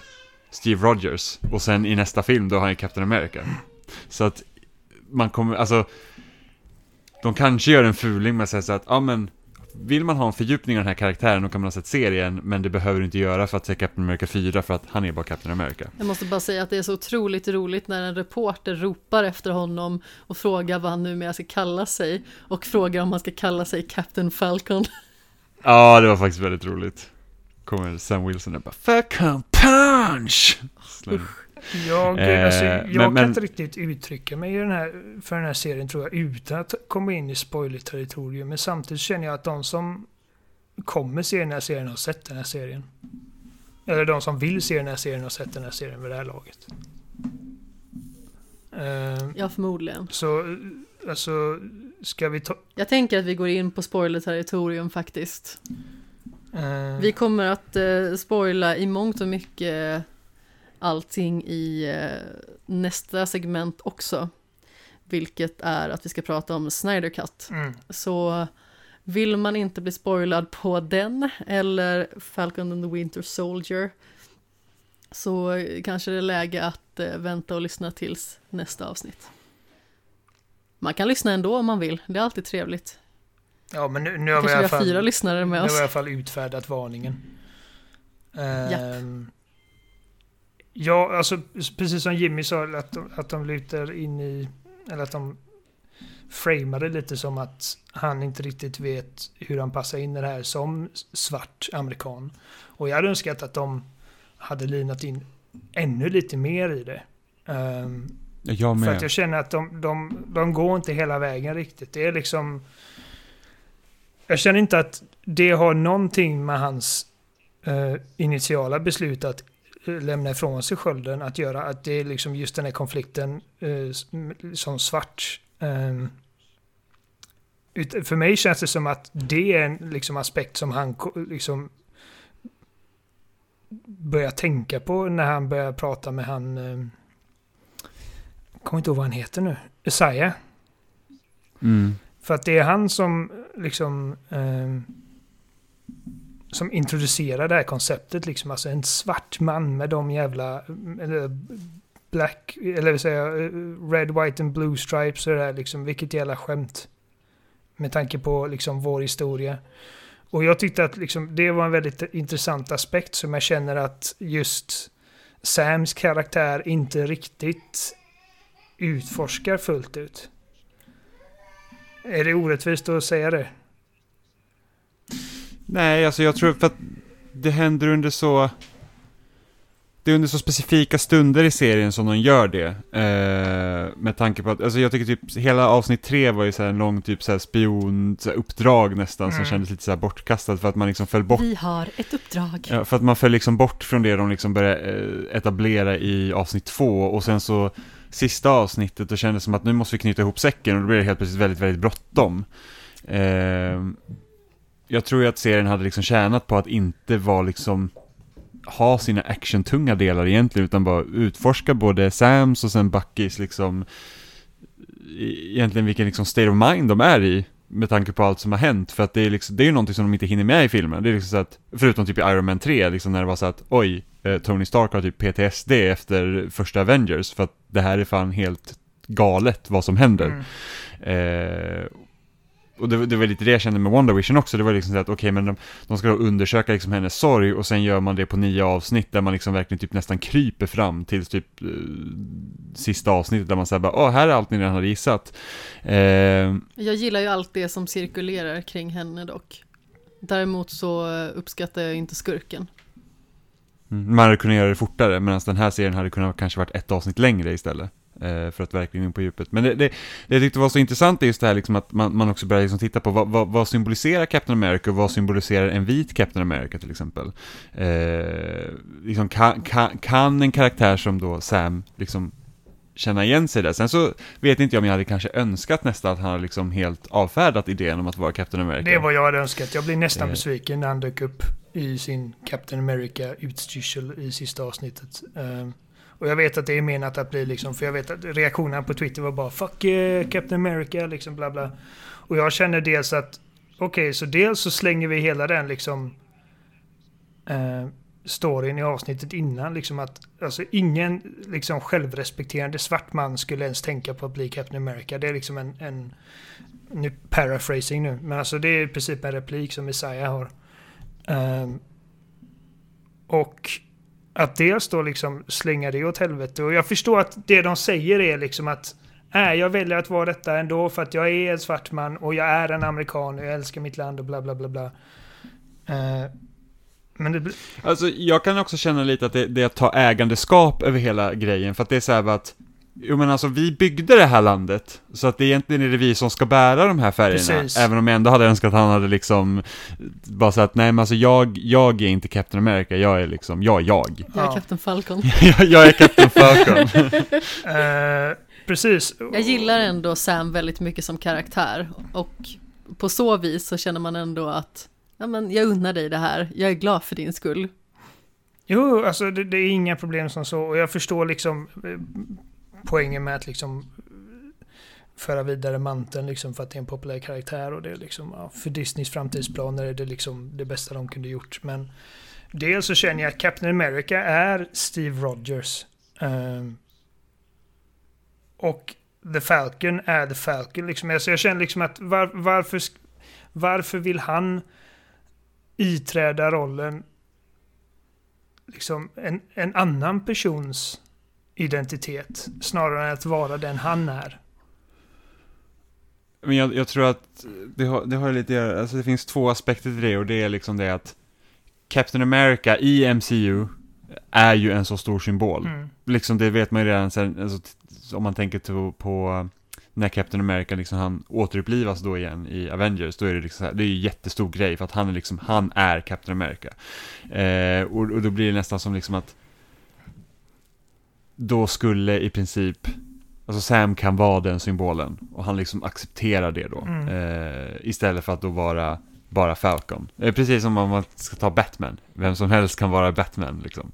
Eh, så jag tror att det är lite den grejen. Och plus en annan aspekt, och det liksom har egentligen ingenting med karaktären att göra, utan det är väl mer hur det öppnar upp MCU till att en lik, efterlikna ännu mera serietidningarna. Liksom det är det att folk försvinner men det, liksom, det finns alltid någon som kan ta den här rollen. Så att bara för att Steve Rogers har varit Captain America betyder inte det att Steve Rogers alltid kommer vara Captain America. Precis som att de har ju lekt runt med tanken att det finns flera Spiderman så det finns, eh, Tor kan liksom vara en helt annan människa. Så att det liksom, det öppnar upp deras egen liksom lår större. Och, och, och det vänjer liksom in eh, även de oinitierade som kanske inte är världens största serietidningsnördar att, liksom att okej, okay, men det är så det går till mm. liksom. Och det är helt legitimt. Och speciellt nu om någon ska börja med multiverse-grejerna så liksom så här, det är lika bra att isa in folk då till att det kommer bli galet. Ja. Och det är helt legitima ståndpunkter och jag förstår liksom hur tankeprocessen bakom de här besluten. Jag kände bara att det var inte riktigt vad jag hade önskat att se kanske. Um, för att alltså, det är liksom, det är som du säger, Captain America är Captain America. Och eh, liksom han, hans liksom slutgiltiga, liksom, alltså han gav sitt liv i princip för, för alla. Eh, nu fick han ju liksom leva sitt liv i slutändan och det är liksom jättefint men han, han är en sån symbol. Jag, liksom, jag känner liksom att det är inte en det känns nästan som att man gör liksom en produkt av det. Liksom, eh, att okej, okay, men det är klart att det måste finnas en Captain America. Och jag tycker att det är det som är intressant med vad de gör med uh, Wyatt Russells karaktär. Uh, mm. Att uh, okej, okay, så här är liksom en snubbe, typ en, en, en, amerikansk soldat som liksom har åstadkommit en hel del och därför är han liksom lämplig att bli Captain America. Och vi får ju se liksom att alltså, han är ju inte alls Steve Rogers. Han, han är liksom Typ han har för stort ego, han... Eh, han liksom är lite som ett barn, liksom att han, han blir sur om han inte får som han vill. Och det blir en sån jävla kontrast med typ, alltså, de här grejerna som hans karaktär gör i den här serien.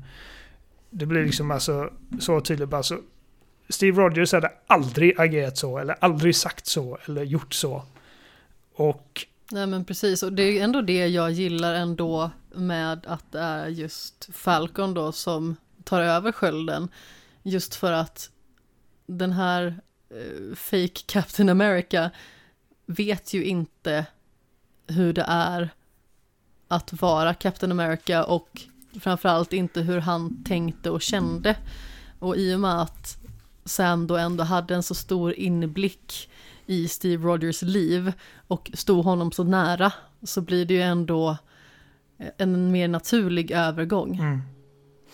Och för, för mig blir det mer åt det hållet att de visar det så tydligt liksom. Alltså, med White Russells karaktär, vad är han heter? John Walker va? Eh, ja. Att... Det, alltså, hans karaktär tyck, kände, kände jag var liksom det perfekta beviset på att det kommer aldrig kunna finnas en annan Captain America. Detta är liksom det var Steve. Um, och det är klart att Sam är betydligt mer liksom, uh, hur ska man säga, passande, passande för den rollen. Uh, det, det säger jag ingenting annat om. Och uh, i slutändan så alltså liksom det gör mig ingenting att han är nya Captain America. Liksom, det är fine. Liksom, jag känner bara liksom att uh, jag tycker att hela Isaiah-vinkeln var mer intressant i slutändan. Och eh, mm. att eh, liksom varf, varför ta över någon annans liksom, eh, identitet? Varför inte bara mm. vara den du själv är? Istället för att liksom bli någon sorts liksom, tröstpris. Oh, all, världen saknar Captain America. Liksom, alltså, vi, vem är det som är näst bäst så att säga. Det känns lite värdigt på något sätt. Eh, men som sagt, de poängerna du tog upp Jimmy och även du Amanda, liksom, alltså de, de känns, det är liksom legitima, legitima argument och jag, jag, är inte, jag, jag är inte missnöjd. Det var bara liksom att jag hade önskat att det togs i en annan riktning. Ja, För det hade varit mer intressant. För, för det är också rätt så konstigt för att, att serien kan ju se lite som, som schizofren i det avseendet med tanke på att de sätter John Walker som eh, Captain America, att det liksom blir så att vi har en kommersialisering av superhjälten. Mm. Vi behöver vår posterboy. Och självklart ska det vara eh, en, en, någon som liksom då typ, som ska då se ut som Steve Rogers och representera då USA och det blir liksom en vit, Blond man. liksom gulleponk, liksom. Eh, Blåögd. mm. Ja, och det visar ju inte- ganska så tydligt att det spelar ingen roll hur du ser ut. För att har du inte hjärtat på rätt ställe eller eh, tänker eh, likasinnat eh, som Steve Rogers gjorde så blir det liksom inte rätt. Det absolut mest kränkande med den här serien för mig, alltså det som är liksom mest offensiv för mig är att eh, de på något sätt ger John Walker en redemption. Eh, tycker absolut inte Ja, det det, känns synd. förtjänt att, när, han, när han gör liksom en vändning i slutet där. För att han, liksom, alltså han är ju en mördare i princip. Och jag vet att liksom rent, alltså man kan ju liksom hitta typ kryphål. Visst, han är en soldat, han har dödat folk, men liksom alltså det där var han är ju rent farlig den här människan, han är instabil. Ehm, Fast för samtidigt så går han ju inte liksom Jag tycker ju inte att de gör John Walker till någon skurk heller, liksom att han liksom säger att åh, nu dödar han en människa, sen går han full dark mode liksom. nej, alltså han- är inte den huvudsakliga skurken. Och det är ett annat problem jag känner, eh, som vi kan komma in på snart. Eh, Men jag känner inte liksom att han förtjänar att få stå där bredvid dem i slutet. Bara åh, vi vann liksom. Allt är okej. Nej, och det, och det tror jag också är problemet i att, att, att serien var liksom kanske ett avsnitt för kort. Mm. För det är så att han gör den här grejen och sen så är det liksom typ klart sen. Ehm, för att jag tyckte att liksom han, han, han hade liksom potentialen att kunna bli en intressant skurk. Vad de istället har är den här lilla tjejen. Som är alltså enligt mig alltså en hysteriskt dålig skurk. Och, jag, och, och det har ingenting med skådisen att göra. För jag tycker att det är intressant liksom att ha en en skurk i en superhjältefilm som inte ser ut som typ Bane. Eller, utan alltså det här är liksom en fräknig liten tjej i princip. Jag måste bara säga att hennes fräknar är fabulösa, jag älskar dem. Hon är, Hon är så täckt tjusig. av dem. Ehm,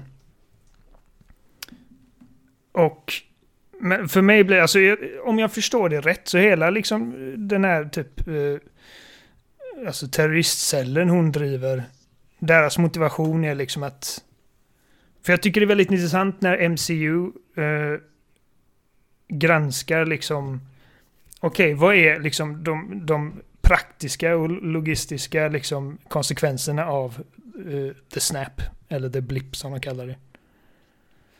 Smulningen. Ehm, jag, gillar, jag, gillar, jag gillar den biten och liksom vad det gör med ekonomin och liksom ehm, vad händer med samhället när liksom 50% av alla människor bara försvinner? Ja, då liksom eh, helt plötsligt så finns det massa jobb för alla och liksom människor som har haft det svårt förut som överlevde detta helt plötsligt finns det liksom en plats för dem i samhället. Och sen när alla kommer tillbaka, vad gör man då? Liksom, alltså, nu bor det nya människor i någons hus. Man bara, what the fuck, vad är det som händer? Det är liksom en... Men också kaoset som blir när människor lämnar och eh, Eh, är borta så pass länge och har kanske viktiga positioner att fylla. Precis, och liksom de, de går in lite grann i det i den här serien. Liksom. Alltså de ödesdigra liksom, real world konsekvenser en sån här grej hade haft. Um, och uh, den här terroristcellen, de vill i princip återställa det till uh, hur det var när den här snappen hände, antar jag, för att liksom eh, det de kanske kände liksom att världen var mer enad plötsligt och sen så slängdes alla bort. Eh, när de inte behövdes längre. Problemet är liksom för mig att när de, när de försöker liksom rama in henne som någon sorts liksom eh, frihetskämpe eller någonting och hon går runt och liksom mördar folk utan att blinka. Eh, hon bara, ah, ska vi verkligen spränga det här huset fullt av liksom eh, av oskyldiga människor? Bara, ah, det är det enda språket de förstår. Jag bara, fuck off. Alltså det, jag, jag kunde inte sympatisera med henne överhuvudtaget. Och i slutändan så... Jag tänker bara på The Tinkerer i uh, Marvel Spider-Man, Miles Morales. Ja, lite så. Och jag, jag tycker inte hon, hon funkar inte för mig heller riktigt. Um. Som person fungerar de båda bra, men jag vet inte riktigt om de är optimala skurkar. Nej, för att alltså, och det är som, som sagt när Sam och hon, jag kommer inte ihåg vad hon heter.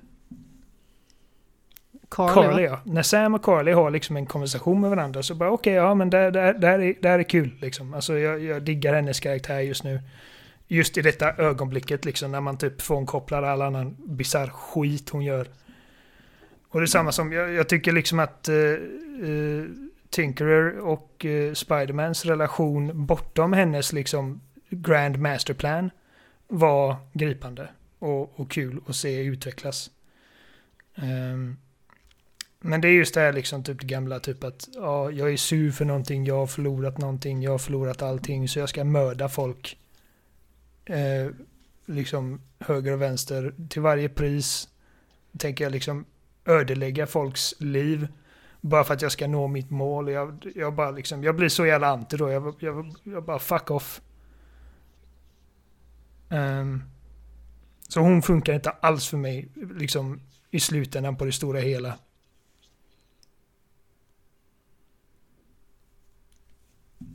Jag vet inte, vad kände ni? Mm. Eh, jag, nej, jag tyckte nog också att det var ganska... Jag var väl inte heller så, här, liksom, så investerad i skurken. Liksom. Jag kände att det, det liksom, den försöker väldigt mycket, serien liksom har... Ja men det är ju John Walker och så är det terroristcellen och sen är det han, eh, vad heter han, Simo. Mm. Som också liksom kommer in helt plötsligt. Så det är liksom så att, ja men då har vi tre liksom olika entiteter så ska de försöka liksom, det ska knytas ihop till det större narrativet och sen så ska man göra alla de här grejerna på sju avsnitt. Det liksom blir lite framstressat samtidigt som man ska försöka nog göra någon form av poäng över hur läget ser ut i USA. Så att det, liksom, den försöker väldigt mycket och även om jag tycker om serien så liksom, den lider lite av det. Ja. Och... Alltså mina favoritögonblick i serien är ju mer när eh, nu ska vi se här. Gud vad jag tappar namn. Men när Sam och eh, Bucky. Bucky umgås. I stort Mm, ja, sett. men det är ju det bästa. Utan tvekan. Och alltså, jag tror att min favorit... Alltså när man liksom får bygga karaktärerna. Jag tror att min favorit, liksom, eh, ska man säga, eh, plotline. Båten. Eh, nej, alltså det jag gillar mest i serien är liksom Buckys alltså mentala tillstånd. Liksom att han, han är kompis med en gammal gubbe helt enkelt för att han vet att han har typ dödat hans son. Och han kan liksom inte riktigt förmå, sig att berätta det, men han liksom försöker att eh, sona för sina brott utan att riktigt gå hela vägen. Och alltså, ha, ha, innan den här serien kom så, alltså Bucky och Sam är typ de två karaktärerna, liksom, två av de karaktärerna som jag bryr mig allra minst om i hela MCU. Jag, all, jag all, särskilt Sam har jag aldrig tyckt är särskilt kul. Alltså um, i Avengers-filmerna. Ja, för de är liksom bara, de är bara sidokaraktärer Precis. liksom. De är med. Precis. Ja, det är som Hawkeye. Eh, och alltså Bucky var lite mer intressant för att man vet liksom att åh jävlar han är liksom hjärntvättad han är, han är fucked och han har liksom gjort helt sjuka grejer utan ens liksom Alltså kunnat göra något åt det. Medan Sam är mer att ja, jag är den med vingar som typ skämtar om min robot companion typ. Så eh, jag var ju lite mer uh, ska man säga lite mer intresserad av Bucky än Sam på förhand. Men jag kom ut i serien och tyckte betydligt mer om båda de här karaktärerna. Vilket det, det är liksom alltså en eh, bedrift om inte annat. Ja. ja, men de lyckas etablera de här två karaktärerna så att de kommer bli intressanta att följa när man liksom fortsätter se filmerna Så man bryr sig om dem. Precis.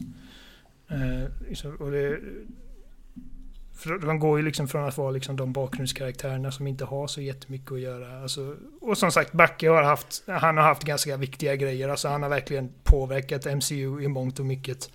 Eh, så det är, väl, det är väl en kritik man kan rikta mer åt Sam eftersom att han bokstavligen inte har någonting. Mest, liksom, han har ingen påverkan på storyn överhuvudtaget. Han är den som... Han är bara en snubbe med vingar liksom. fram tills den här serien. Jag, kan- alltså jag, jag kan inte komma på liksom någon gång i, i, i MCU liksom historien där han haft någon större påverkan. Har jag fel? Alltså det... Han, hans relation etableras väl hårdare i eh, andra Captain America-filmer va?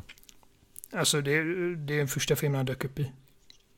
Ja, för sen så tror jag att han och, och Steve Rogers var ju på flykt tillsammans. Det är väl den stora grejen Mm. jag. Man får inte riktigt se det. Alltså han, är- han är som sagt han är den som följer efter Steve och han är den som hjälper till att slåss mot skurkarna. Men han har liksom ingen agens i berättelsen så egentligen. Ehm. och jag vet liksom hans största liksom, ögonblick i hela MCU var väl liksom när, när han fick skölden. Liksom att Steve är den som säger att Mm. jag, jag litar på dig. Liksom eh, tillräckligt. Alltså, du, du förtjänar den här. Och fram till den Mm. punkten känner inte jag liksom att man har fått se prov på det egentligen. Annat än att han liksom är en hedlig kille. Eh, ja, nej. Så att det är, den här serien liksom, det, det åstadkom den i alla fall liksom att den fläskade på de här karaktärerna lite mer och eh, visade människorna bakom. Och det kände jag liksom att första avsnittet gjorde ett ganska bra jobb med. Liksom, första avsnittet börjar med en stor liksom, action set piece. Um, men de fick mig liksom uh, mer investerad liksom, när, när serien saktar ner lite. Eller avsnittet saktar ner lite.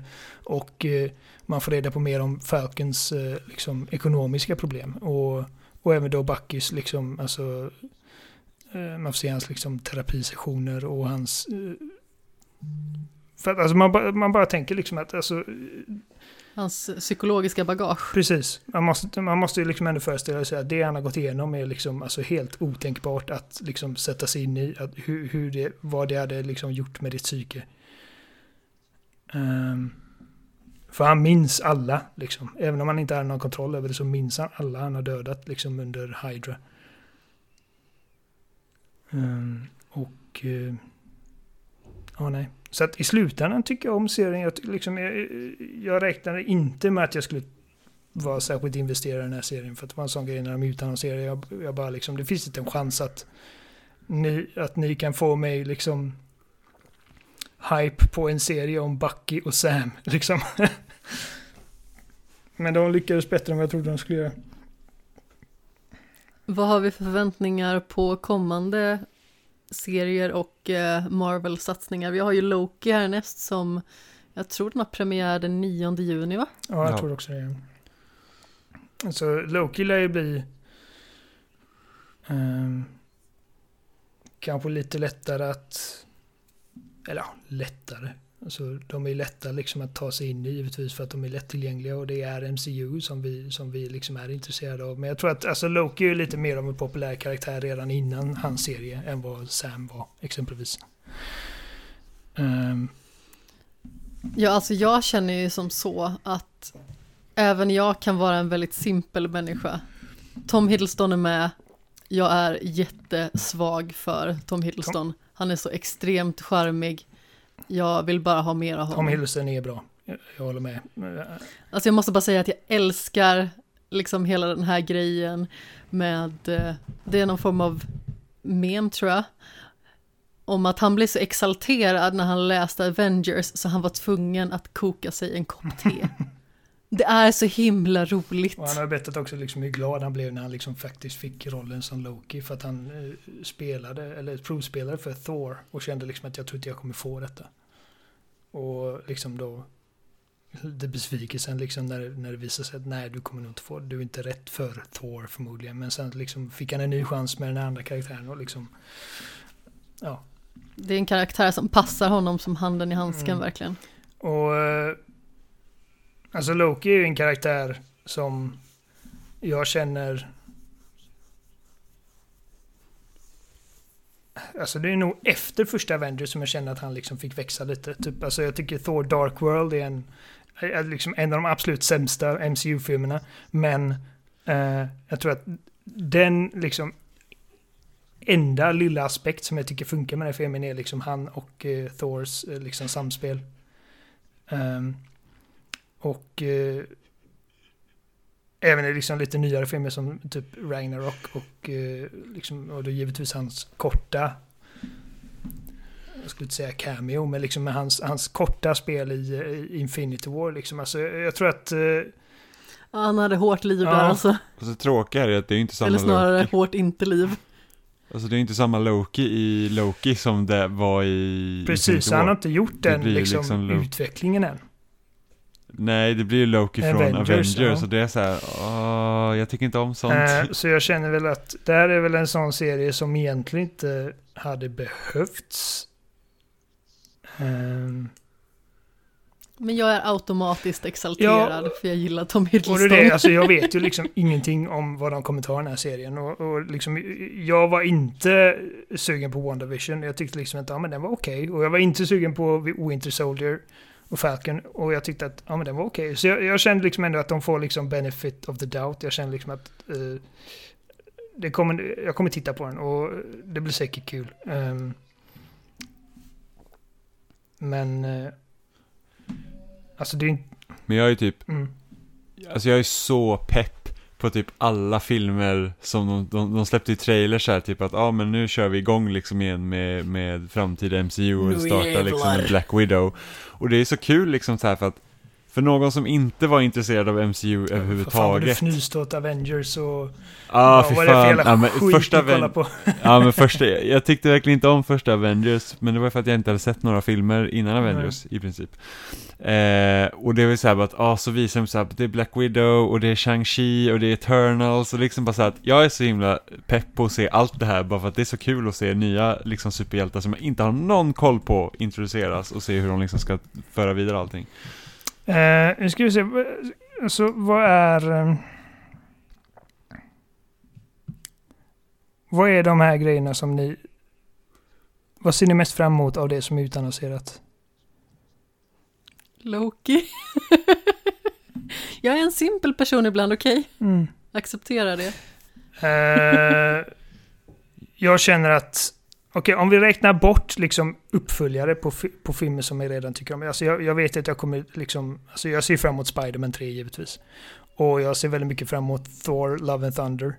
Eh, dels för att liksom Taika Waititi återvänder till registolen. Alltså titeln är så himla horribel. ja, jo, Det låter som en 70-tals jag vet. Men det är just hårdrocksdänga. för att, för att jag vet liksom att... Eh, alltså, Men man kan ju inte annat än att älska Taika Waititi. Precis, och, och jag tror att hade det inte varit för att jag liksom hade sett eh, Ragnarok innan, som också är liksom, alltså de har typ Led Zeppelin och skit liksom, alltså de har så här 80-tals estetiken och Alltså det funkar så jävla bra. Alltså jag, jag blev en fan av Thor i Ragnarok. Ehm, så att Love and Thunder ser jag fram emot. alltså jag gillar karaktären. ja, Även att filmerna kanske inte var magiska direkt.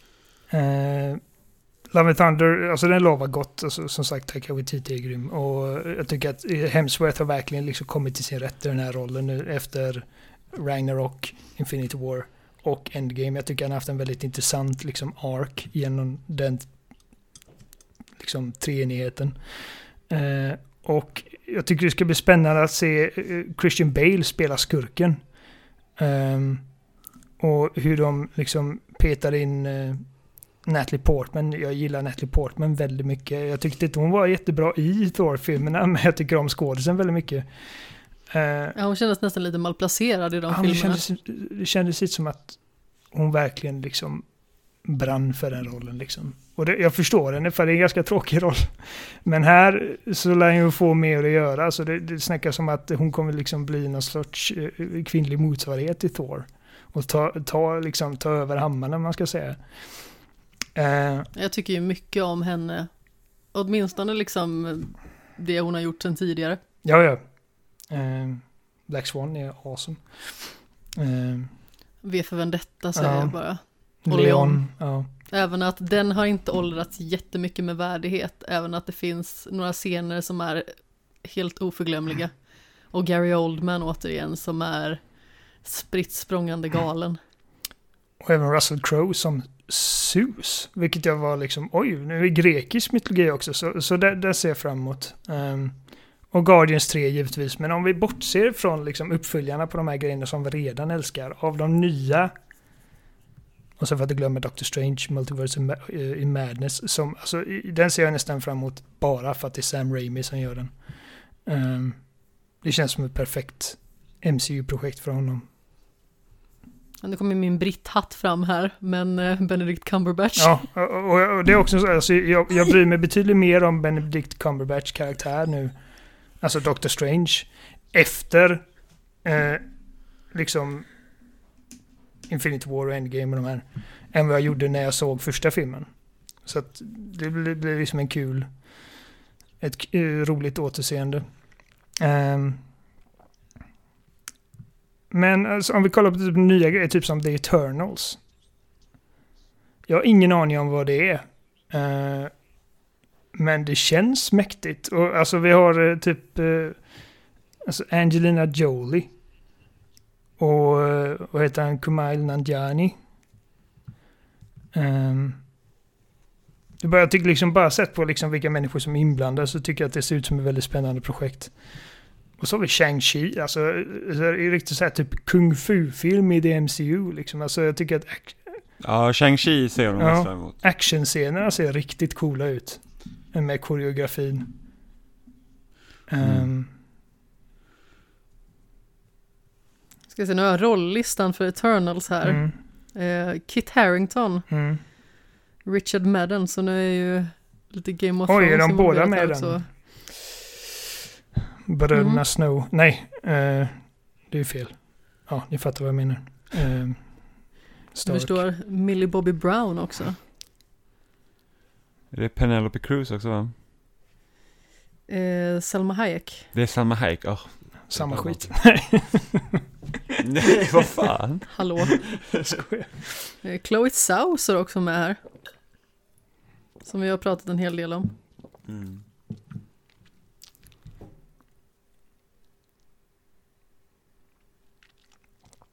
Vad tyst det Mm. blev. Nej, men jag, jag, jag, Sitter alla jag, och ninja googlar antar jag jag. tycker Eternals ser spännande ut. Liksom. Alltså, jag har ingen aning vad det är för någonting. Jag har aldrig hört talas om Eternals. Men det är samma som jag hade inte hört talas om Guardians of the Galaxy innan heller. Ehm. och sen, alltså jag är lite osäker. Blade. Alltså jag gillar Blade och jag älskar Mahershala Ali. Däremot är jag lite rädd för att liksom... Alltså, kommer de få liksom det svängrummet de behöver för att liksom göra Blade rättvisa? Alltså det är ju liksom inte direkt en... Det är samma som ifall de skulle göra liksom en Punisher-film. Ehm, hur blodigt får det lov att vara liksom? Alltså jag tror nog att de har tillräckligt mycket svängrum för att kunna göra i princip vad de vill. Ja, det behöver inte vara liksom, typ den, liksom den filmen som har högst budget, vilket betyder att den måste ha störst möjliga publik. Ehm. Däremot ser jag inte fram emot Fantastic Four. Jag tycker, eh, alltså, Nej. alltså om, det, om det är någon studio som kan få det att funka så är det väl Marvel. Men eh, alltså den gruppen av superhjältar har jag liksom ingen som helst kärlek för. Jag ser inte fram emot Black Panther 2 helt enkelt för att Chadwick Boseman inte, alltså att han inte är med oss längre. Ehm, Ja, det är väldigt sorgligt. och Ja, det är väldigt synd för att det är många som trodde liksom att han skulle få då ta över liksom typ manteln från typ Tony Stark och bli liksom så att mm, the Han leading man för liksom Avengers. mm. Eh, samtidigt så är jag lite nyfiken på liksom hur de hur de liksom knyter ihop säcken för, för den karaktären. För att utan att få det liksom att låta, att, att bli för liksom hastigt och att det känns värdigt. Ja. Ehm, Hur de faktiskt fimpar honom. Mm, det låter ju ja. väldigt hårt, men eh, vad de tar för vinkel där. de, de, ställ, de ställs ju liksom, alltså om vi, om vi lämnar all liksom eh, mänsklighet bakom oss, om vi bara tittar på det som en studio så ställs de ju liksom i en jobbig sits liksom när stjärnan för eh, en av deras liksom mest lukrativa eh, IPn går bort. Eh, och med tanke på inte bara liksom att karaktären eh, har haft sån eh, sånt avtryck liksom på popkultur.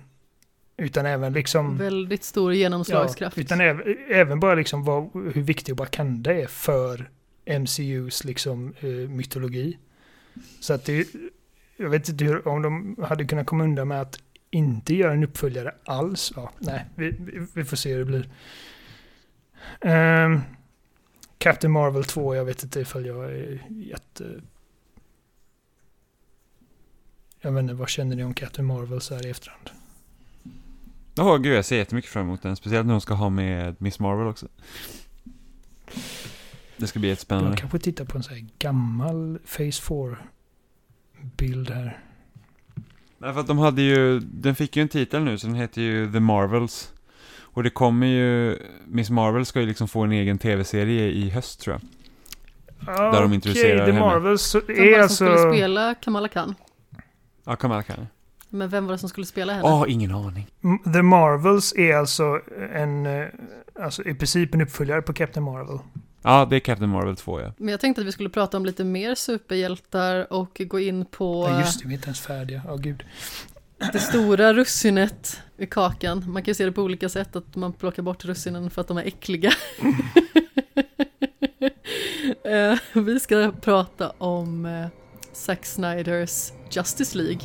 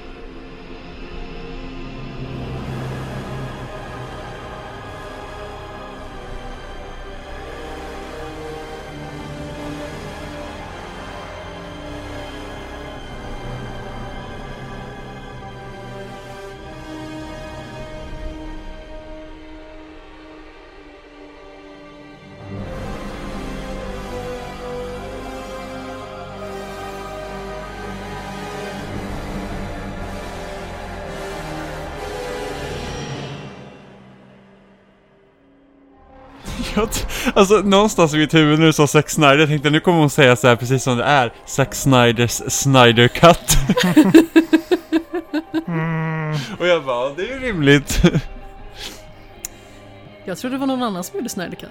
Ja, det, var- det var exakt, jag tänkte, för mitt huvud var såhär, Snyder Cuts i Justice League och så blir det såhär, Zack Snyder, jag bara, ah men just det, Zack Snyders Snyder Cut. ja, alltså jag tror att om vi bara kan etablera det på förhand. Jag tror att jag, jag är nog den av oss som gillar den mest. Men jag tror inte någon av oss gillar den särskilt mycket. Nej, alltså det var ju väldigt roligt faktiskt för att det här var ju en film som vi såg tillsammans. Eh, Du kom hit till Alingsås och så delade vi upp den i två sessioner för den är ju kanonlång. Så då såg vi typ två timmar, ät, eh, lagade tacos och eh, sedan såg, såg vi resten. Precis. Ehm, och ni har inte sett uh, Joss Whedons film? Nej. Nej. Och jag tror att det är nog där... Jag tror att alla de som tycker liksom riktigt mycket om den här filmen eh, har nog... Alltså de ser nog filmen mycket med Joss Whedons film i backspegeln. Och för mig blir det lite samma sak. Liksom att alltså... Det är definitivt en förbättring. Om man säger så. Ja men det känns lite sådär att det hade kanske inte kunnat bli sämre. Det kanske är det utgångsläget. lite så, det kan alltid bli sämre, men alltså... Eh, jag, jag känner att den största positiva grejen med, med Justice League är att det ändå är liksom en, en superhjältefilm som helt och hållet har gjorts av en visionär skapare snarare än en studio. Um, Alltså den måste jag bara säga, börjar ju så himla besynnerligt. Det är en av de märkligaste inledningsscenerna jag varit med om. Alltså det är Stålmannen som skriker och så får man liksom följa hans ljudvågor Över hela typ, planeten, typ. över hela världen. Allt är i slow motion också. Och Det är extremt bara det, fult. kän, det känns Jag bara kände det när typ- vi såg inledningen, bara vad är det som Ja, händer? och det känns som att det håller på i en evighet. Eh, Ja, Det gör det ja, också. Med mänskliga mått mätt är det en evighet. Det var fasen plågsamt Ja. alltså. Men jag tror att för mig är det ännu lättare liksom även i efterhand, liksom efter att ha sett filmen. För att liksom min första reaktion var liksom att ja, alltså den var bättre, men inte så jävla mycket bättre. Eh, men jag tror att den växer lite när man läser på mer om liksom skapandeprocessen bakom, inte bara Justice League, eh, utan liksom hela det DCEU-universumet de, de höll på med. Eh, för att eh,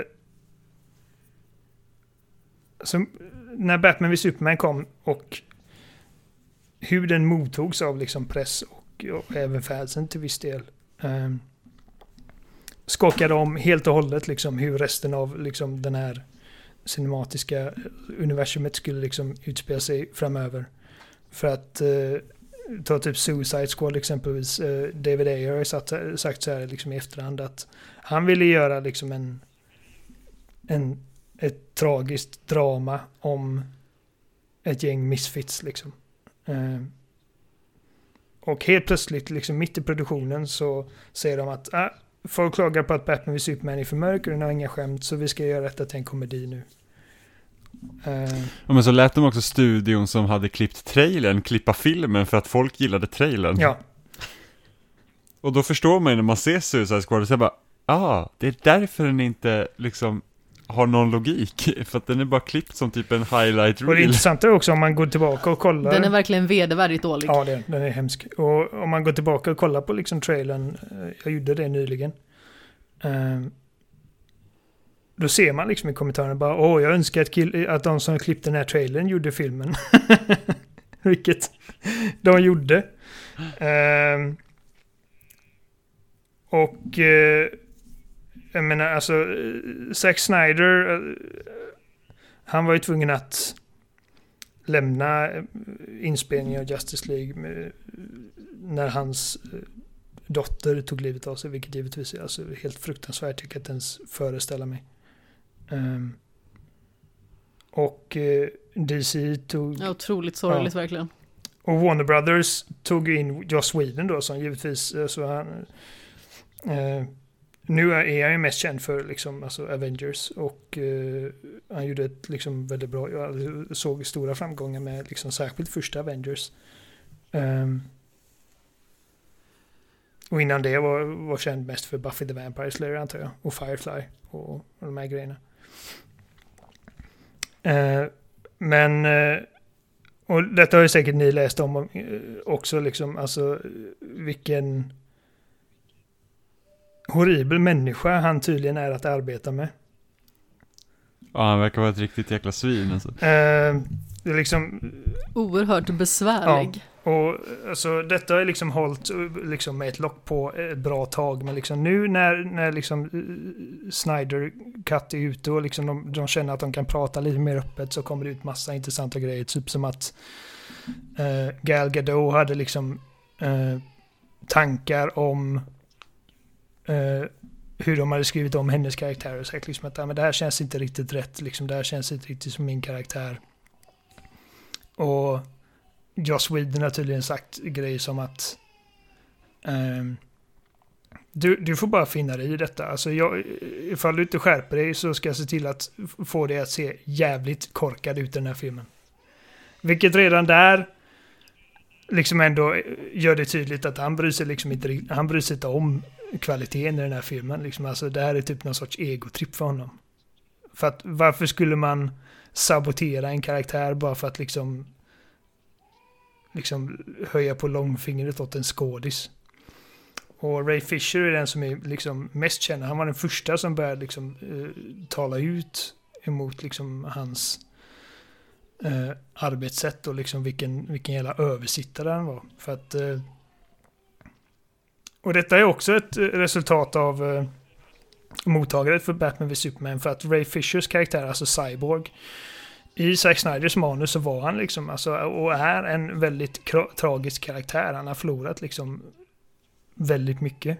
Um, och han hade liksom, när, när Joss Whedon kom in och började skriva om grejer så, eh, precis som Gal Gadot hade, och i ännu större utsträckning än Gal, Gal Gadot, hade liksom starka åsikter om att du, alltså, den här killen hade inte liksom skämtat i den här scenen. Jag tror att det roligaste citatet som de har tagit som, som Joss Whedon har sagt till Ray Fisher är Du, jag tar inte liksom jag tar inte notes från skådespelarna. Inte ens, inte ens Robert Downey Jr. uh, och uh, var även andra liksom, uh, storspelare i studion som har liksom satt sig med Ray, Ray Fisher och sagt liksom att nej, men det är problematiskt. Vi kan liksom inte ha en svart man i filmen och att han liksom bara ler en gång. Utan vi måste göra honom lite mer likable. Um, och massa sån jävla skit. Alltså, så att med allt det där liksom i, eh, i kontext så känner jag liksom att alltså, även om Zack Snyders version av filmen den är på tok för lång. Den har liksom inget filter. Det är som att varenda liten idé som poppar upp i skallen på den här mannen, den kommer in. Men det är också lite det som... Ja, den är jättemärkligt klippt. Alltså, den det är, så här, typ väldigt att, märkligt uppbyggd. Vi ser såhär Louis Lane i typ så två minuter i så första halvtimmen. Och sen så dyker inte hon upp i filmen igen förrän typ så två och en halv timme in Nej. igen. Men som sagt, hela utformningen av filmen är mycket besynnerlig och just hela det här att de försöker få in flera origin stories i den här filmen på något mm. vis. Med liksom små snuttar. Det blir så himla konstigt.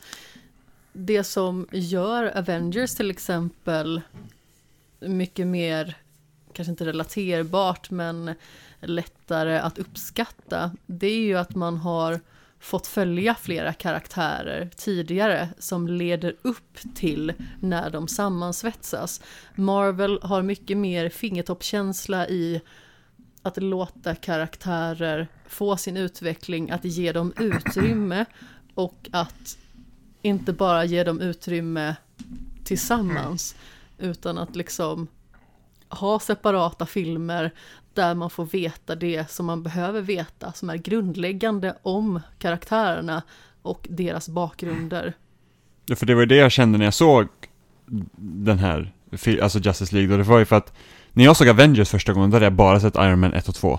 Så för mig var det så att jag har liksom ingen riktig kontext till de här karaktärerna, det känns liksom jättemärkligt. Och jag kände, hade lite samma känsla när jag såg den här filmen. Det känns som att jag missar en massa grejer, men problemet med den här är ju att det finns i princip inga filmer Nej, innan du har sett de andra filmerna. Alltså det är ju typ Batman vs Superman. Ja, jag, ja, precis. Jag har sett Batman vs Superman. Och, och, och uh, Man of Steel. Wonder Woman. Och Wonder Woman kom väl efter? Jo. Eller var Wonder Woman före Justice League? Eller nej, ja. nej, kom den nej, den kom före. Justice League? Den kom före. Nej, den, nej, den kanske före. var före. Ja, men okej, okay, jag såg halva Wonder Woman. Den kom men efter liksom, Batman vs Superman. Ja. Men då har man ändå Cyborg, Flash och Aquaman. Som liksom alla är jätteviktiga i den här filmen och ingen av dem har liksom introducerats innan nu. Liksom. Och det är ju det som är enklast att pe peka på och säga det här är varför uh, Marvel fungerar och inte ni. För att ni försöker komma till Infinity War liksom på tredje filmen. Um, och det funkar helt enkelt inte. Nej. Alltså man känner ingenting för karaktärerna. Visst man kan tycka att vissa av dem är ganska charmiga eller sympatiska. Och det är inte det att jag tycker illa om karaktärerna förutom vissa naturligtvis, men det kommer vi in på. Men jag känner inte tillräckligt för eller med dem för att de har fått fem minuters uppbyggnad där man liksom har etablerat vem karaktären är, vad den har för kraft och inte mer. Det blir så himla märkligt och jag får liksom inte möjlighet som tittare att bry mig. Jag blir liksom inte erbjuden den resan med DC Nej. som jag blir när jag liksom kollar på Marvel-filmer. Nu är jag liksom inget jättefan. Jag är liksom inte lika investerad som Jimmy till exempel som har gått från 0 till 100. Men... Såg Infinity War, beställde alla filmer på Blu-ray dagen efter. Precis. Men jag älskar ju ändå Batman till exempel. Och jag tycker ju att den här versionen inte fungerar. Eh, jag tycker att Batman är ändå en bättre karaktär i Snyder Cut. Det måste jag ändå säga. Men är verkligen horribel i Batman vs. Ja. Superman. Så jävla modisk och liksom skjuter ihjäl folk och brännmärker Och det är så folk. himla märkligt också. Det är väldigt märkligt för att jag gillar Batman. Jag har liksom inte tyckt direkt någonting om Wonder Woman. Däremot så har jag ju tyckt att Superman är en fuskis som är så extremt svår att relatera till. Och det är den karaktären jag gillar mest i Batman vs. Superman, vilket blir så himla absurt för mig. Men jag tror att det är för att eh, Henry Cavill är så otroligt bra. Faktiskt. Jag tycker om honom jättemycket och även att det är en superhjälte som är ganska ointressant som han spelar som så tycker jag ändå att han passar in väldigt bra i den rollen. Mm. Jag tycker att alltså, de gånger jag inte gillar Henry Cavill Superman så har det ingenting med han att göra utan helt och hållet med manuset. Uh, Ja, manuset och uppbyggnaden i som, filmen. alltså, Eller filmerna. typ som, alltså, en av mina liksom favoritscener att peka på, på som bara liksom, fy fan vad den här Superman suger röv. Är när han står liksom i det här stora liksom typ domstolshuset och Lex Luthor spring, spränger allt åt helvete och sen ser man Superman stå där liksom och bara typ sucka och rycka på axlarna liksom. Alltså här är typ så här, alltså dussintals människor som har dött och han bara Ja, ja. det är bara så jävla, alltså... Ja, nej. Och det är samma med liksom, alltså, typ nästan alla problem jag kan peka på med Batman i Batman med Superman har jag också liksom med manuset att göra. För att liksom, han är så jävla nitisk och liksom onödigt jävla hatisk. Och det, är liksom, det känns inte som att det är inte Batman liksom. Alltså Batman är inte... Han är ju en surgubbe på många sätt, men han är inte så militant. I alla fall inte enligt min uppfattning. Det är kanske många som uppfattar honom olika, men eh, inte, inte han beter sig det, väldigt inte på besynnerligt. det här sättet i alla fall. Alltså, det finns ju olika versioner av Batman och det liksom, alltså, jag vet att... eh, Absolut, det finns Eh, Jag, jättemånga. menar, jag vet, det här är inte första gången han är liksom en sur militant gubbe. Och det är inte första gången han går upp mot Superman heller. Men jag tror att alltså...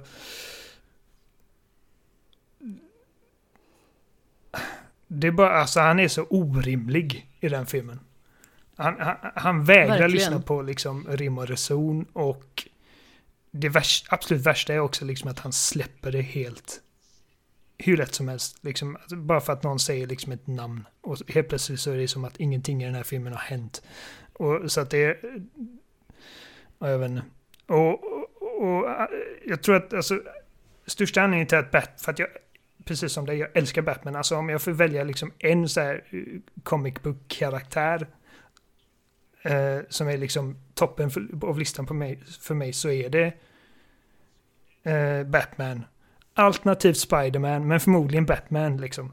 Ehm, Samma och, här, angående Ja. Batman alltså. och jag, alltså jag älskar Batman. och Jag jag älskar Dark Knight-filmerna, jag älskar Arkham Asylum-spelen, jag älskar liksom den, den animerade, alltså allt med Batman. Men i Justice League-kontexten så funkar han inte för mig. Och det handlar helt och hållet om att han nu plötsligt är The Hawkeye i gruppen. Den som inte kan göra ett skit. För att om man har en grupp av supermänniskor där den enda som inte är supermänniska är Batman. Eh, om man ska liksom ge den här gruppen av supermänniskor liksom ett scenario som är, ett, som är en utmaning för dem. Då kommer det oundvikligen bli en situation där Batman inte har någon, liksom, någonting att göra för att han, han, han är ingen supermänniska. Eh, Han är bara superrik. Precis. Och eh, det är också ett sånt problem liksom med, med Justice League att alla problem löses i princip så fort Superman dyker upp. Och jag vet att eh, Snyder Cut gör en grej bättre med det än vad eh, Joss Whedons film är. För att i Joss Whedons film så är det bokstavligen att han dyker upp och de vinner. Liksom. Eh, här dyker han upp och de är på väg att vinna, men det är för sent. Och jorden går under och det är Flash som får chansen att liksom eh, att rädda allihopa. Vilket är liksom en liten förbättring i det liksom problemet är att Superman är den som löser allt. Men i båda versioner... Flash är en ganska så rolig karaktär för ja, övrigt. jag tycker han funkar. Eh, men, men i, båda, i båda scenarion så är liksom Bruce Wayne eller Batman är helt överflödig och det är inte kul att se. Det är liksom... Han är ändå liksom... Alltså om inte den absolut liksom mest populära, liksom den största karaktären i hela den här gruppen. Kanske att Superman är liksom jämlikt där, jag vet inte liksom sett på det stora hela. Men han är i alla fall liksom en av de två. Och då, då kan man inte ha honom i Hawkeye-rollen. Den som är i bakgrunden och skjuter pilar på aliens. Liksom den som hjälper till. Men i slutändan inte är den som liksom bidrar med de stora grejerna. Eh, och det är därför jag känner att Batman funkar bara för mig när, när han är liksom ensam i sitt universum. Liksom.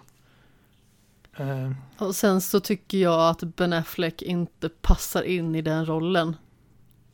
Jag är inte så himla frälst av honom direkt, men jag tycker att han har definitivt gjort mycket bättre roller och just den här fungerar verkligen inte för honom, tycker inte jag jag tycker att han passar liksom inte in i den auran som Batman ska avspegla. Jag tycker att hela hans uppenbarelse fungerar bara inte.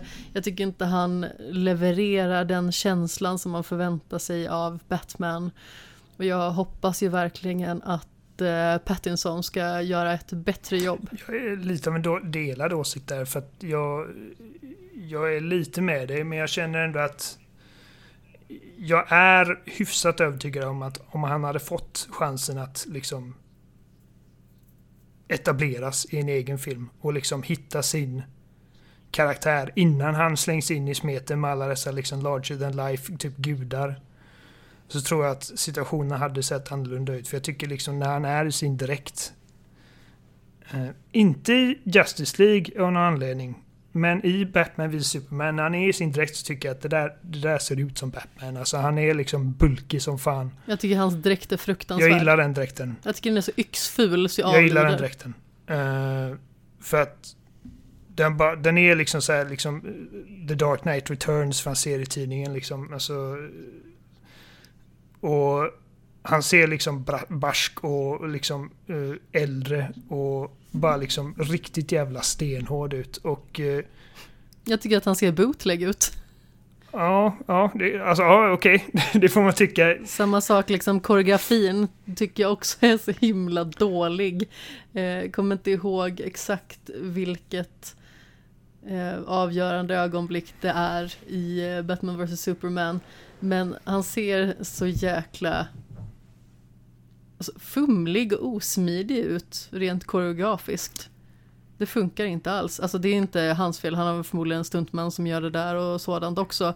Men eh, det kan ju liksom vara själva uppenbarelsen av dräkten också som gör att det ser så himla styltigt och fånigt ut. Jag, menar, jag, jag är en helt annan åsikt i, i det avseendet. Um, jag tycker liksom att eh, alltså, han, han ser ut som Batman och eh, alltså, Warehouse-fighten eh, i Batman vs Superman är typ alltså den mest...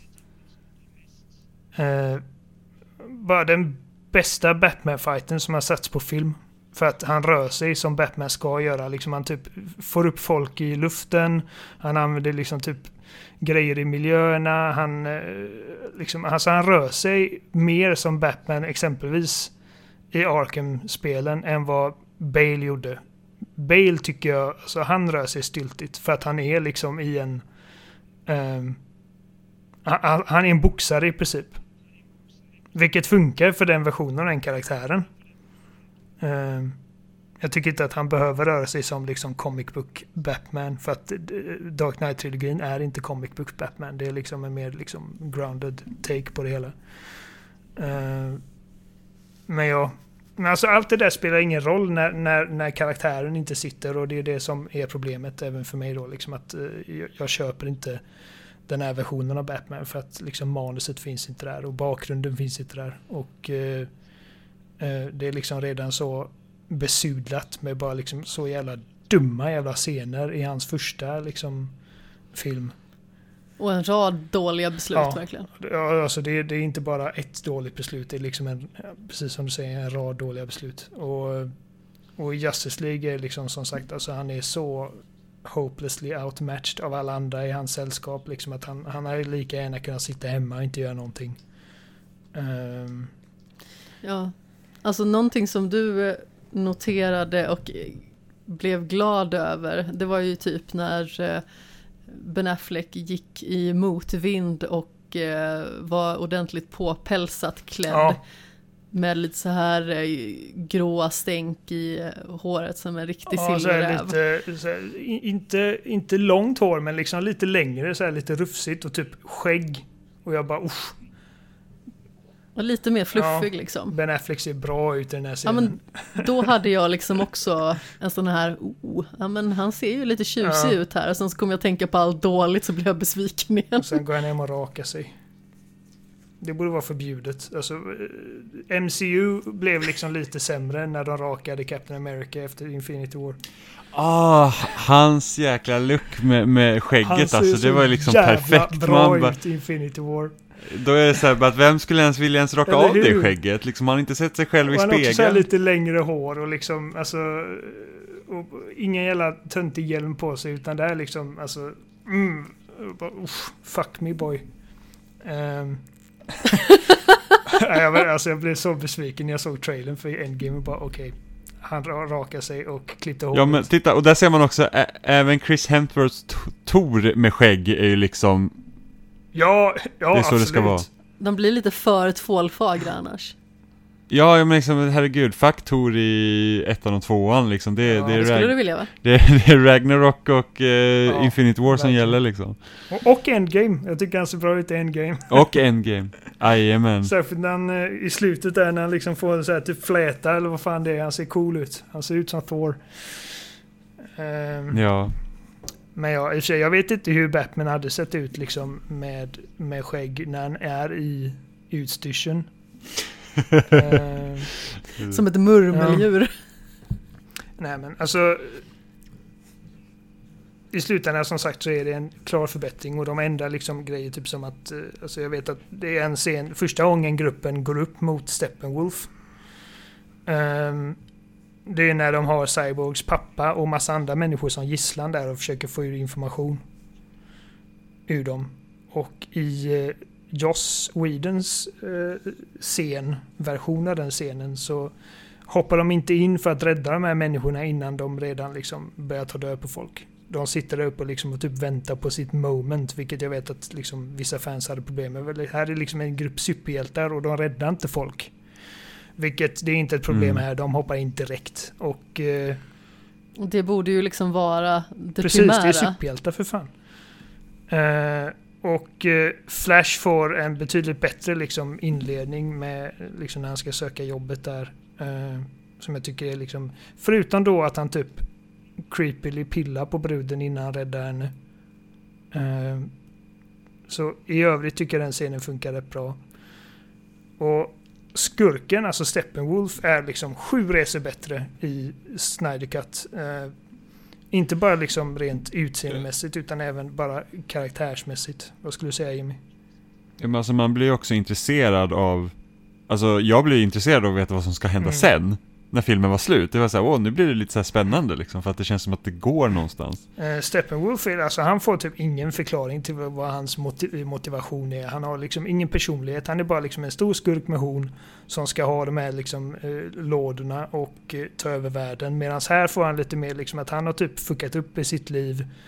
Eh, och han skäms och han liksom, han, han får inte komma tillbaka hem för han har liksom erövrat de här typ 52 världarna eller vad det är. Vilket gör att liksom man får lite mer typ bakgrund till vad det är som driver honom. Eh, och eh, är liksom inte ens med. Han nämns inte ens i, eh, i eh, Joss Whedons version. Ehm, och jag tycker att sättet som de faktiskt tar koll på Steppenwolf är betydligt coolare här för att han hugger fan huvudet av honom. Medan i, i, Det är brutalt Ja. alltså. medans i eh, Joss Whedons version så är det liksom för att de här liksom flygande flugmänniskorna, vad är det de heter? Eh, jag kommer inte ihåg, jag kommer Jag inte ihåg vad de inte. heter. Men eh, grejen med dem är att de, känn, de kan lukta till sig rädsla. Och eh, när, när, när Superman kommer in i bilden och liksom börjar puckla på Steppenwolf så blir Steppenwolf rädd och då kommer de här liksom flugmänniskorna och tar honom och drar in honom i en ny portal liksom, och, och han överlever liksom. Ehm, så det kändes väldigt antiklimatiskt. Eh, och hela dynamiken mellan Superman och Batman är också mindre korkad för att eh, alltså han har sådana fruktansvärda hela repliker när de väcker upp honom i Joss Whedons version. För han liksom typ tar tag i Batman och bara Tell me, do you bleed? Man bara, Och gud, är det från Whedon Cut Ja. alltså? och, eh, och de undviker också det här problemet med att eh, de behöver liksom göra en CGI-läpp på Superman. Eh, för att när de gjorde reshoot för eh, Joss Whedons film så var han mitt i inspelningen av eh, Mission Impossible 7 eller 6. Eh, där han var liksom under kontrakt, contractual oblig- obligation att ha sin mustasch, vilket gjorde att Det är det, det är det sjukaste att han måste ha den mustaschen som gjorde liksom så här, det, alltså, var, liksom, det var ju inte ens en grej i filmen. Nej, det var bara så han såg ut i den filmen liksom. Ehm, Alltså jag måste ju bara slänga in en grej. Jag vet att många var väldigt exalterade över Wonder Woman i hennes första Mm. film och sa liksom att det var någon form av så här feministisk revolution och en så eh, snygg tolkning och vad nu var. Det var liksom ganska så stora ord som slängdes kring Ja, den jag tyckte jag folk sa allmänhet typ, av "Åh, väldigt Ge den många. en Oscarsnominering och jag bara fuck off. Alltså, Jag tycker att Wonder Woman är exceptionellt tråkig i sin egen film. Eh, någonting som jag tycker är väldigt enerverande efter att ha sett både liksom den här filmen som vi har sett nu och även Wonder Woman. Hon är inte lika mycket Wonder Woman i Batman vs Superman heller som Nej. hon är i eh, de andra. Men det känns som att hon poserar väldigt Mm. mycket. Och jag vet inte om det har med att göra att Gal Gadot liksom är en modell i grunden också. Men alltså i varje scen så känns det som att hon poserar och ska se snygg ut. Eh, och det är väldigt mycket slow motion Mm. också. Det, det ligger säkert någonting i att hon har liksom en modellbakgrund, det visste inte jag. Men det makes sense. Eh, Men det blir så extremt ostigt och jag förstår liksom inte hur folk kan vrida hennes prestation till feminism. Jag tycker att det är så himla besynnerligt. Åh, det är en stark kvinnlig karaktär. Men hon är mest stark på grund av att hon är fysiskt stark. Mm. För att jag tycker att hon gör ju liksom inte något vidare avtryck, alltså rent dialogmässigt Nej. eller tankemässigt. och Gal Gadot är inte en särskilt bra skådis. Alltså, förlåt, men... Uh, alltså, jag, Du behöver inte be om ursäkt till mig, för jag nej, håller med dig. nej jag, jag ber inte om ursäkt till dig. Jag, bara, alltså, jag, jag gillar inte att... Även om hon aldrig kommer höra detta givetvis. Men, men jag, jag gillar liksom inte att typ eh, dra ner folk. Men hon är fan inte särskilt bra. I alla fall inte i något jag har sett henne i. Och vi, vi sa ju det... Eh, eller jag sa det att... Eh, när vi kollade på filmen, liksom de gånger typ man såg Amy Adams. Så jag bara, alltså Amy Adams är för bra för att liksom vara med i den här skiten. Då hon inte får göra någonting. Hon är bättre än sin egen Ja. skugga alltså. Eh, och så och följa upp det med Men Gal Gadot hon är ungefär där hon borde vara. liksom. hon, är, hon är liksom i sin comfort zone med den här typ cheesy, dålig jävla superhjältefilm. Ja, Jag känner mig faktiskt nästan lite glad att jag inte sett uppföljaren till Wonder Woman. Den är hysteriskt jävla dålig. Alltså det är nästan så att jag vill att ni ska se den för att det är så, alltså de gör, de har liksom sådana jävla förbluffande jävla idiotbeslut i manuset i den filmen att jag kan inte fatta att det liksom att det kom förbi liksom första draftet liksom. Um, men ja. Alltså, jag tror, alltså, Wonder Woman har alltid varit liksom en så här feministisk ikon för att, helt enkelt för att hon är en kvinna som kickar röv och är liksom stark. Ja, men jag tycker ändå liksom inte uppenbarelsen av henne har det avtrycket. På något vis. Jag, jag vet inte, jag blir nästan lite så här irriterad och konfunderad kring vad det är liksom alla som höjde första filmen till skyarna baserade på. det, det, ja. Ursäkta mig, vad betyder Nej, jag det? gäspade. Klockan är elva. Eh, nej men, eh, Det är läggdags för Ja. länge sedan för dig. nej men alltså jag, jag förstår vad du menar och jag, jag, jag håller med om att Wonder Woman, alltså jag, tyck, jag tycker den är underhållande, i alla fall första halvan. Och jag tycker att hon har betydligt, hon är betydligt mer likable i den filmen än vad hon är i någon av de andra filmerna hon har varit med i. För att hon liksom får vara lite quirky. Och jag tycker, jag, jag gillar liksom att hon var ut, liksom, ur sitt element när hon kom till liksom civiliserade London och liksom frågade typ att eh, Alltså liksom att det var lite, lite som en fisk på vatten liksom, att hon inte riktigt förstod normerna. Och hon går in liksom i en stor typ här, liksom politisk sal med en massa gamla gubbar och bara liksom säger att ni ska göra så här och så här. Och alla tittar på henne och bara vem fan tror du att du är? Ehm, Alltså det är ganska så charmigt, men jag tycker att det finns väldigt mycket i den här filmen som är så här, åh, nu måste jag mm, stanna upp här, så att alla ser hur snygg jag är. precis. Kolla på mig när jag reser mig upp långsamt och svänger bak Precis. mitt hår. Och eh, Exakt så pratar hon Ja. övrigt. Inte, men i den här har, jag överdrev i den här har effekt. ju inte så mycket mer att göra annat än att liksom typ eh, vara där och liksom se dramatisk ut. Och jag tror att liksom, alltså, det är ju uppenbarligen någonting som de linar in i också. Liksom, de filmar henne på det sättet av en anledning. Det är ju inte bara hon som... Eh, nej, det kommer ju säkert naturligt för henne liksom att göra de här liksom dramatiska poserna. Men det är också liksom så det är typ designat lite också. Um, Ja, för mig nej, funkar nej, det jag tycker inte. också det. För det känns liksom inte som en riktig person. Alltså som sagt, det är ju inte en riktig människa per se, om, om vi säger så. Men det känns ju liksom inte som en riktig person och det blir väldigt plastigt. Eh, men Cyborg liksom får betydligt mer plats och liksom känns faktiskt som en viktig del av storyn. Vilket så man kände liksom att det var tanken även i Joss Whedons eh, film. För att han är den enda som liksom kan typ interfacea med de här motherboxesen. och- eller- Men, men här får han faktiskt liksom lite backstory. Motherboxes låter ju för övrigt otroligt suspekt. jag gör inte den kopplingen men du, men... Eh, alltså jag kopplar först med så här moder natur. Och sen så började du snacka om att åh, det är fiffin. jag bara okej. Eh, men även Aquaman får liksom lite mer, alltså för att i Joss Whedons film så är han liksom bara ett rövhål genom hela filmen i princip. Och här så har han liksom, får lite mer mänsklighet. Så, så att liksom across the board så är det liksom en förbättring på alla sätt och vis.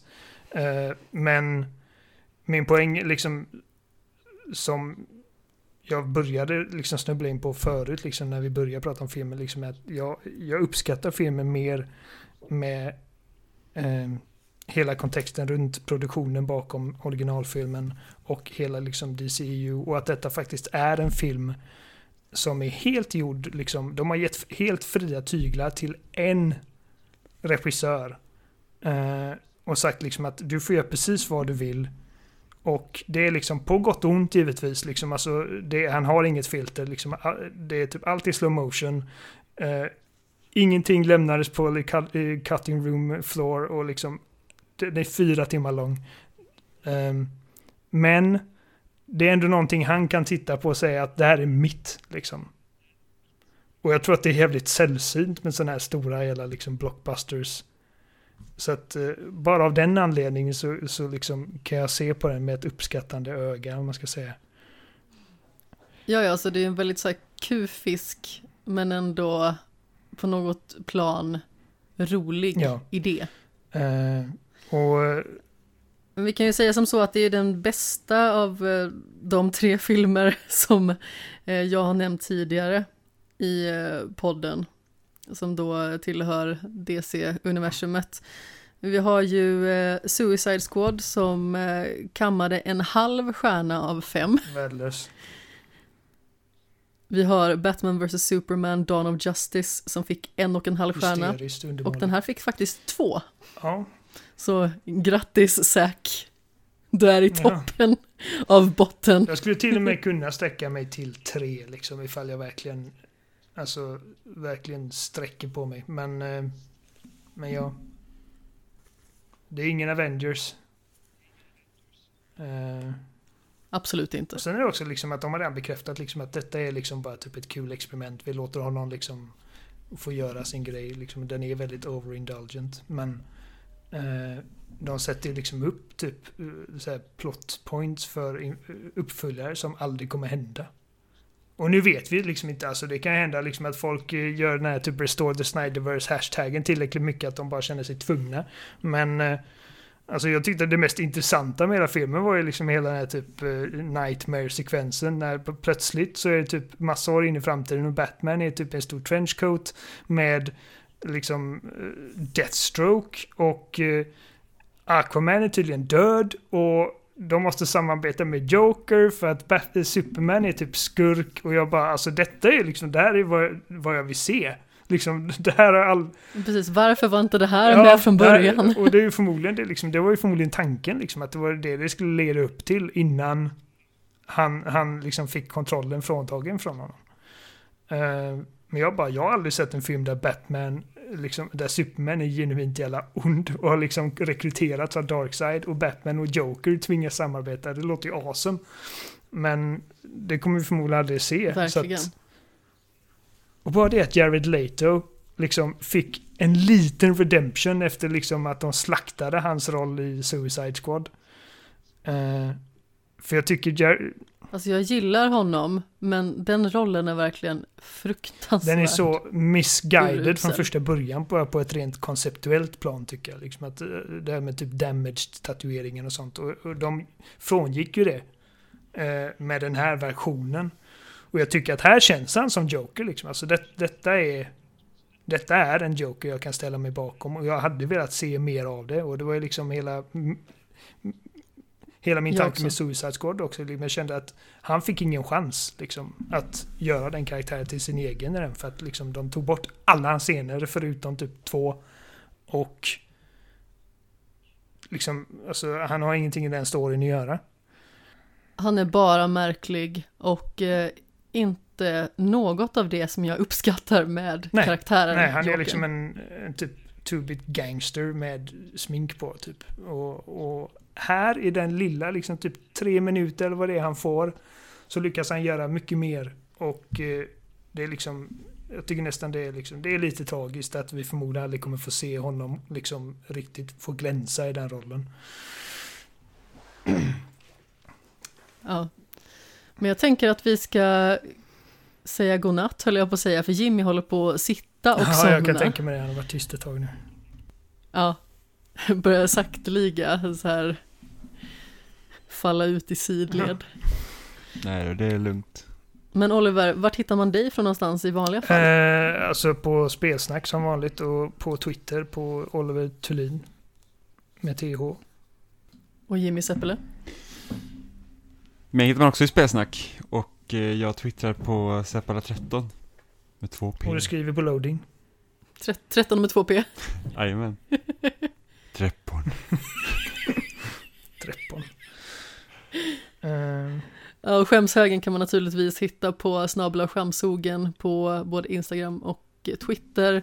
Finns på Facebook, finns på Wordpress och eh, i allmänhet där poddar finns. Men jag tänker väl att vi säger som vanligt. Jimmy, vill du eh, ta ton? Vi ses igen nästa gång skämshögen kommer. Godnatt. Gud vilken kelsen och obehaglig röst. Ja. Hej hej. Välkommen till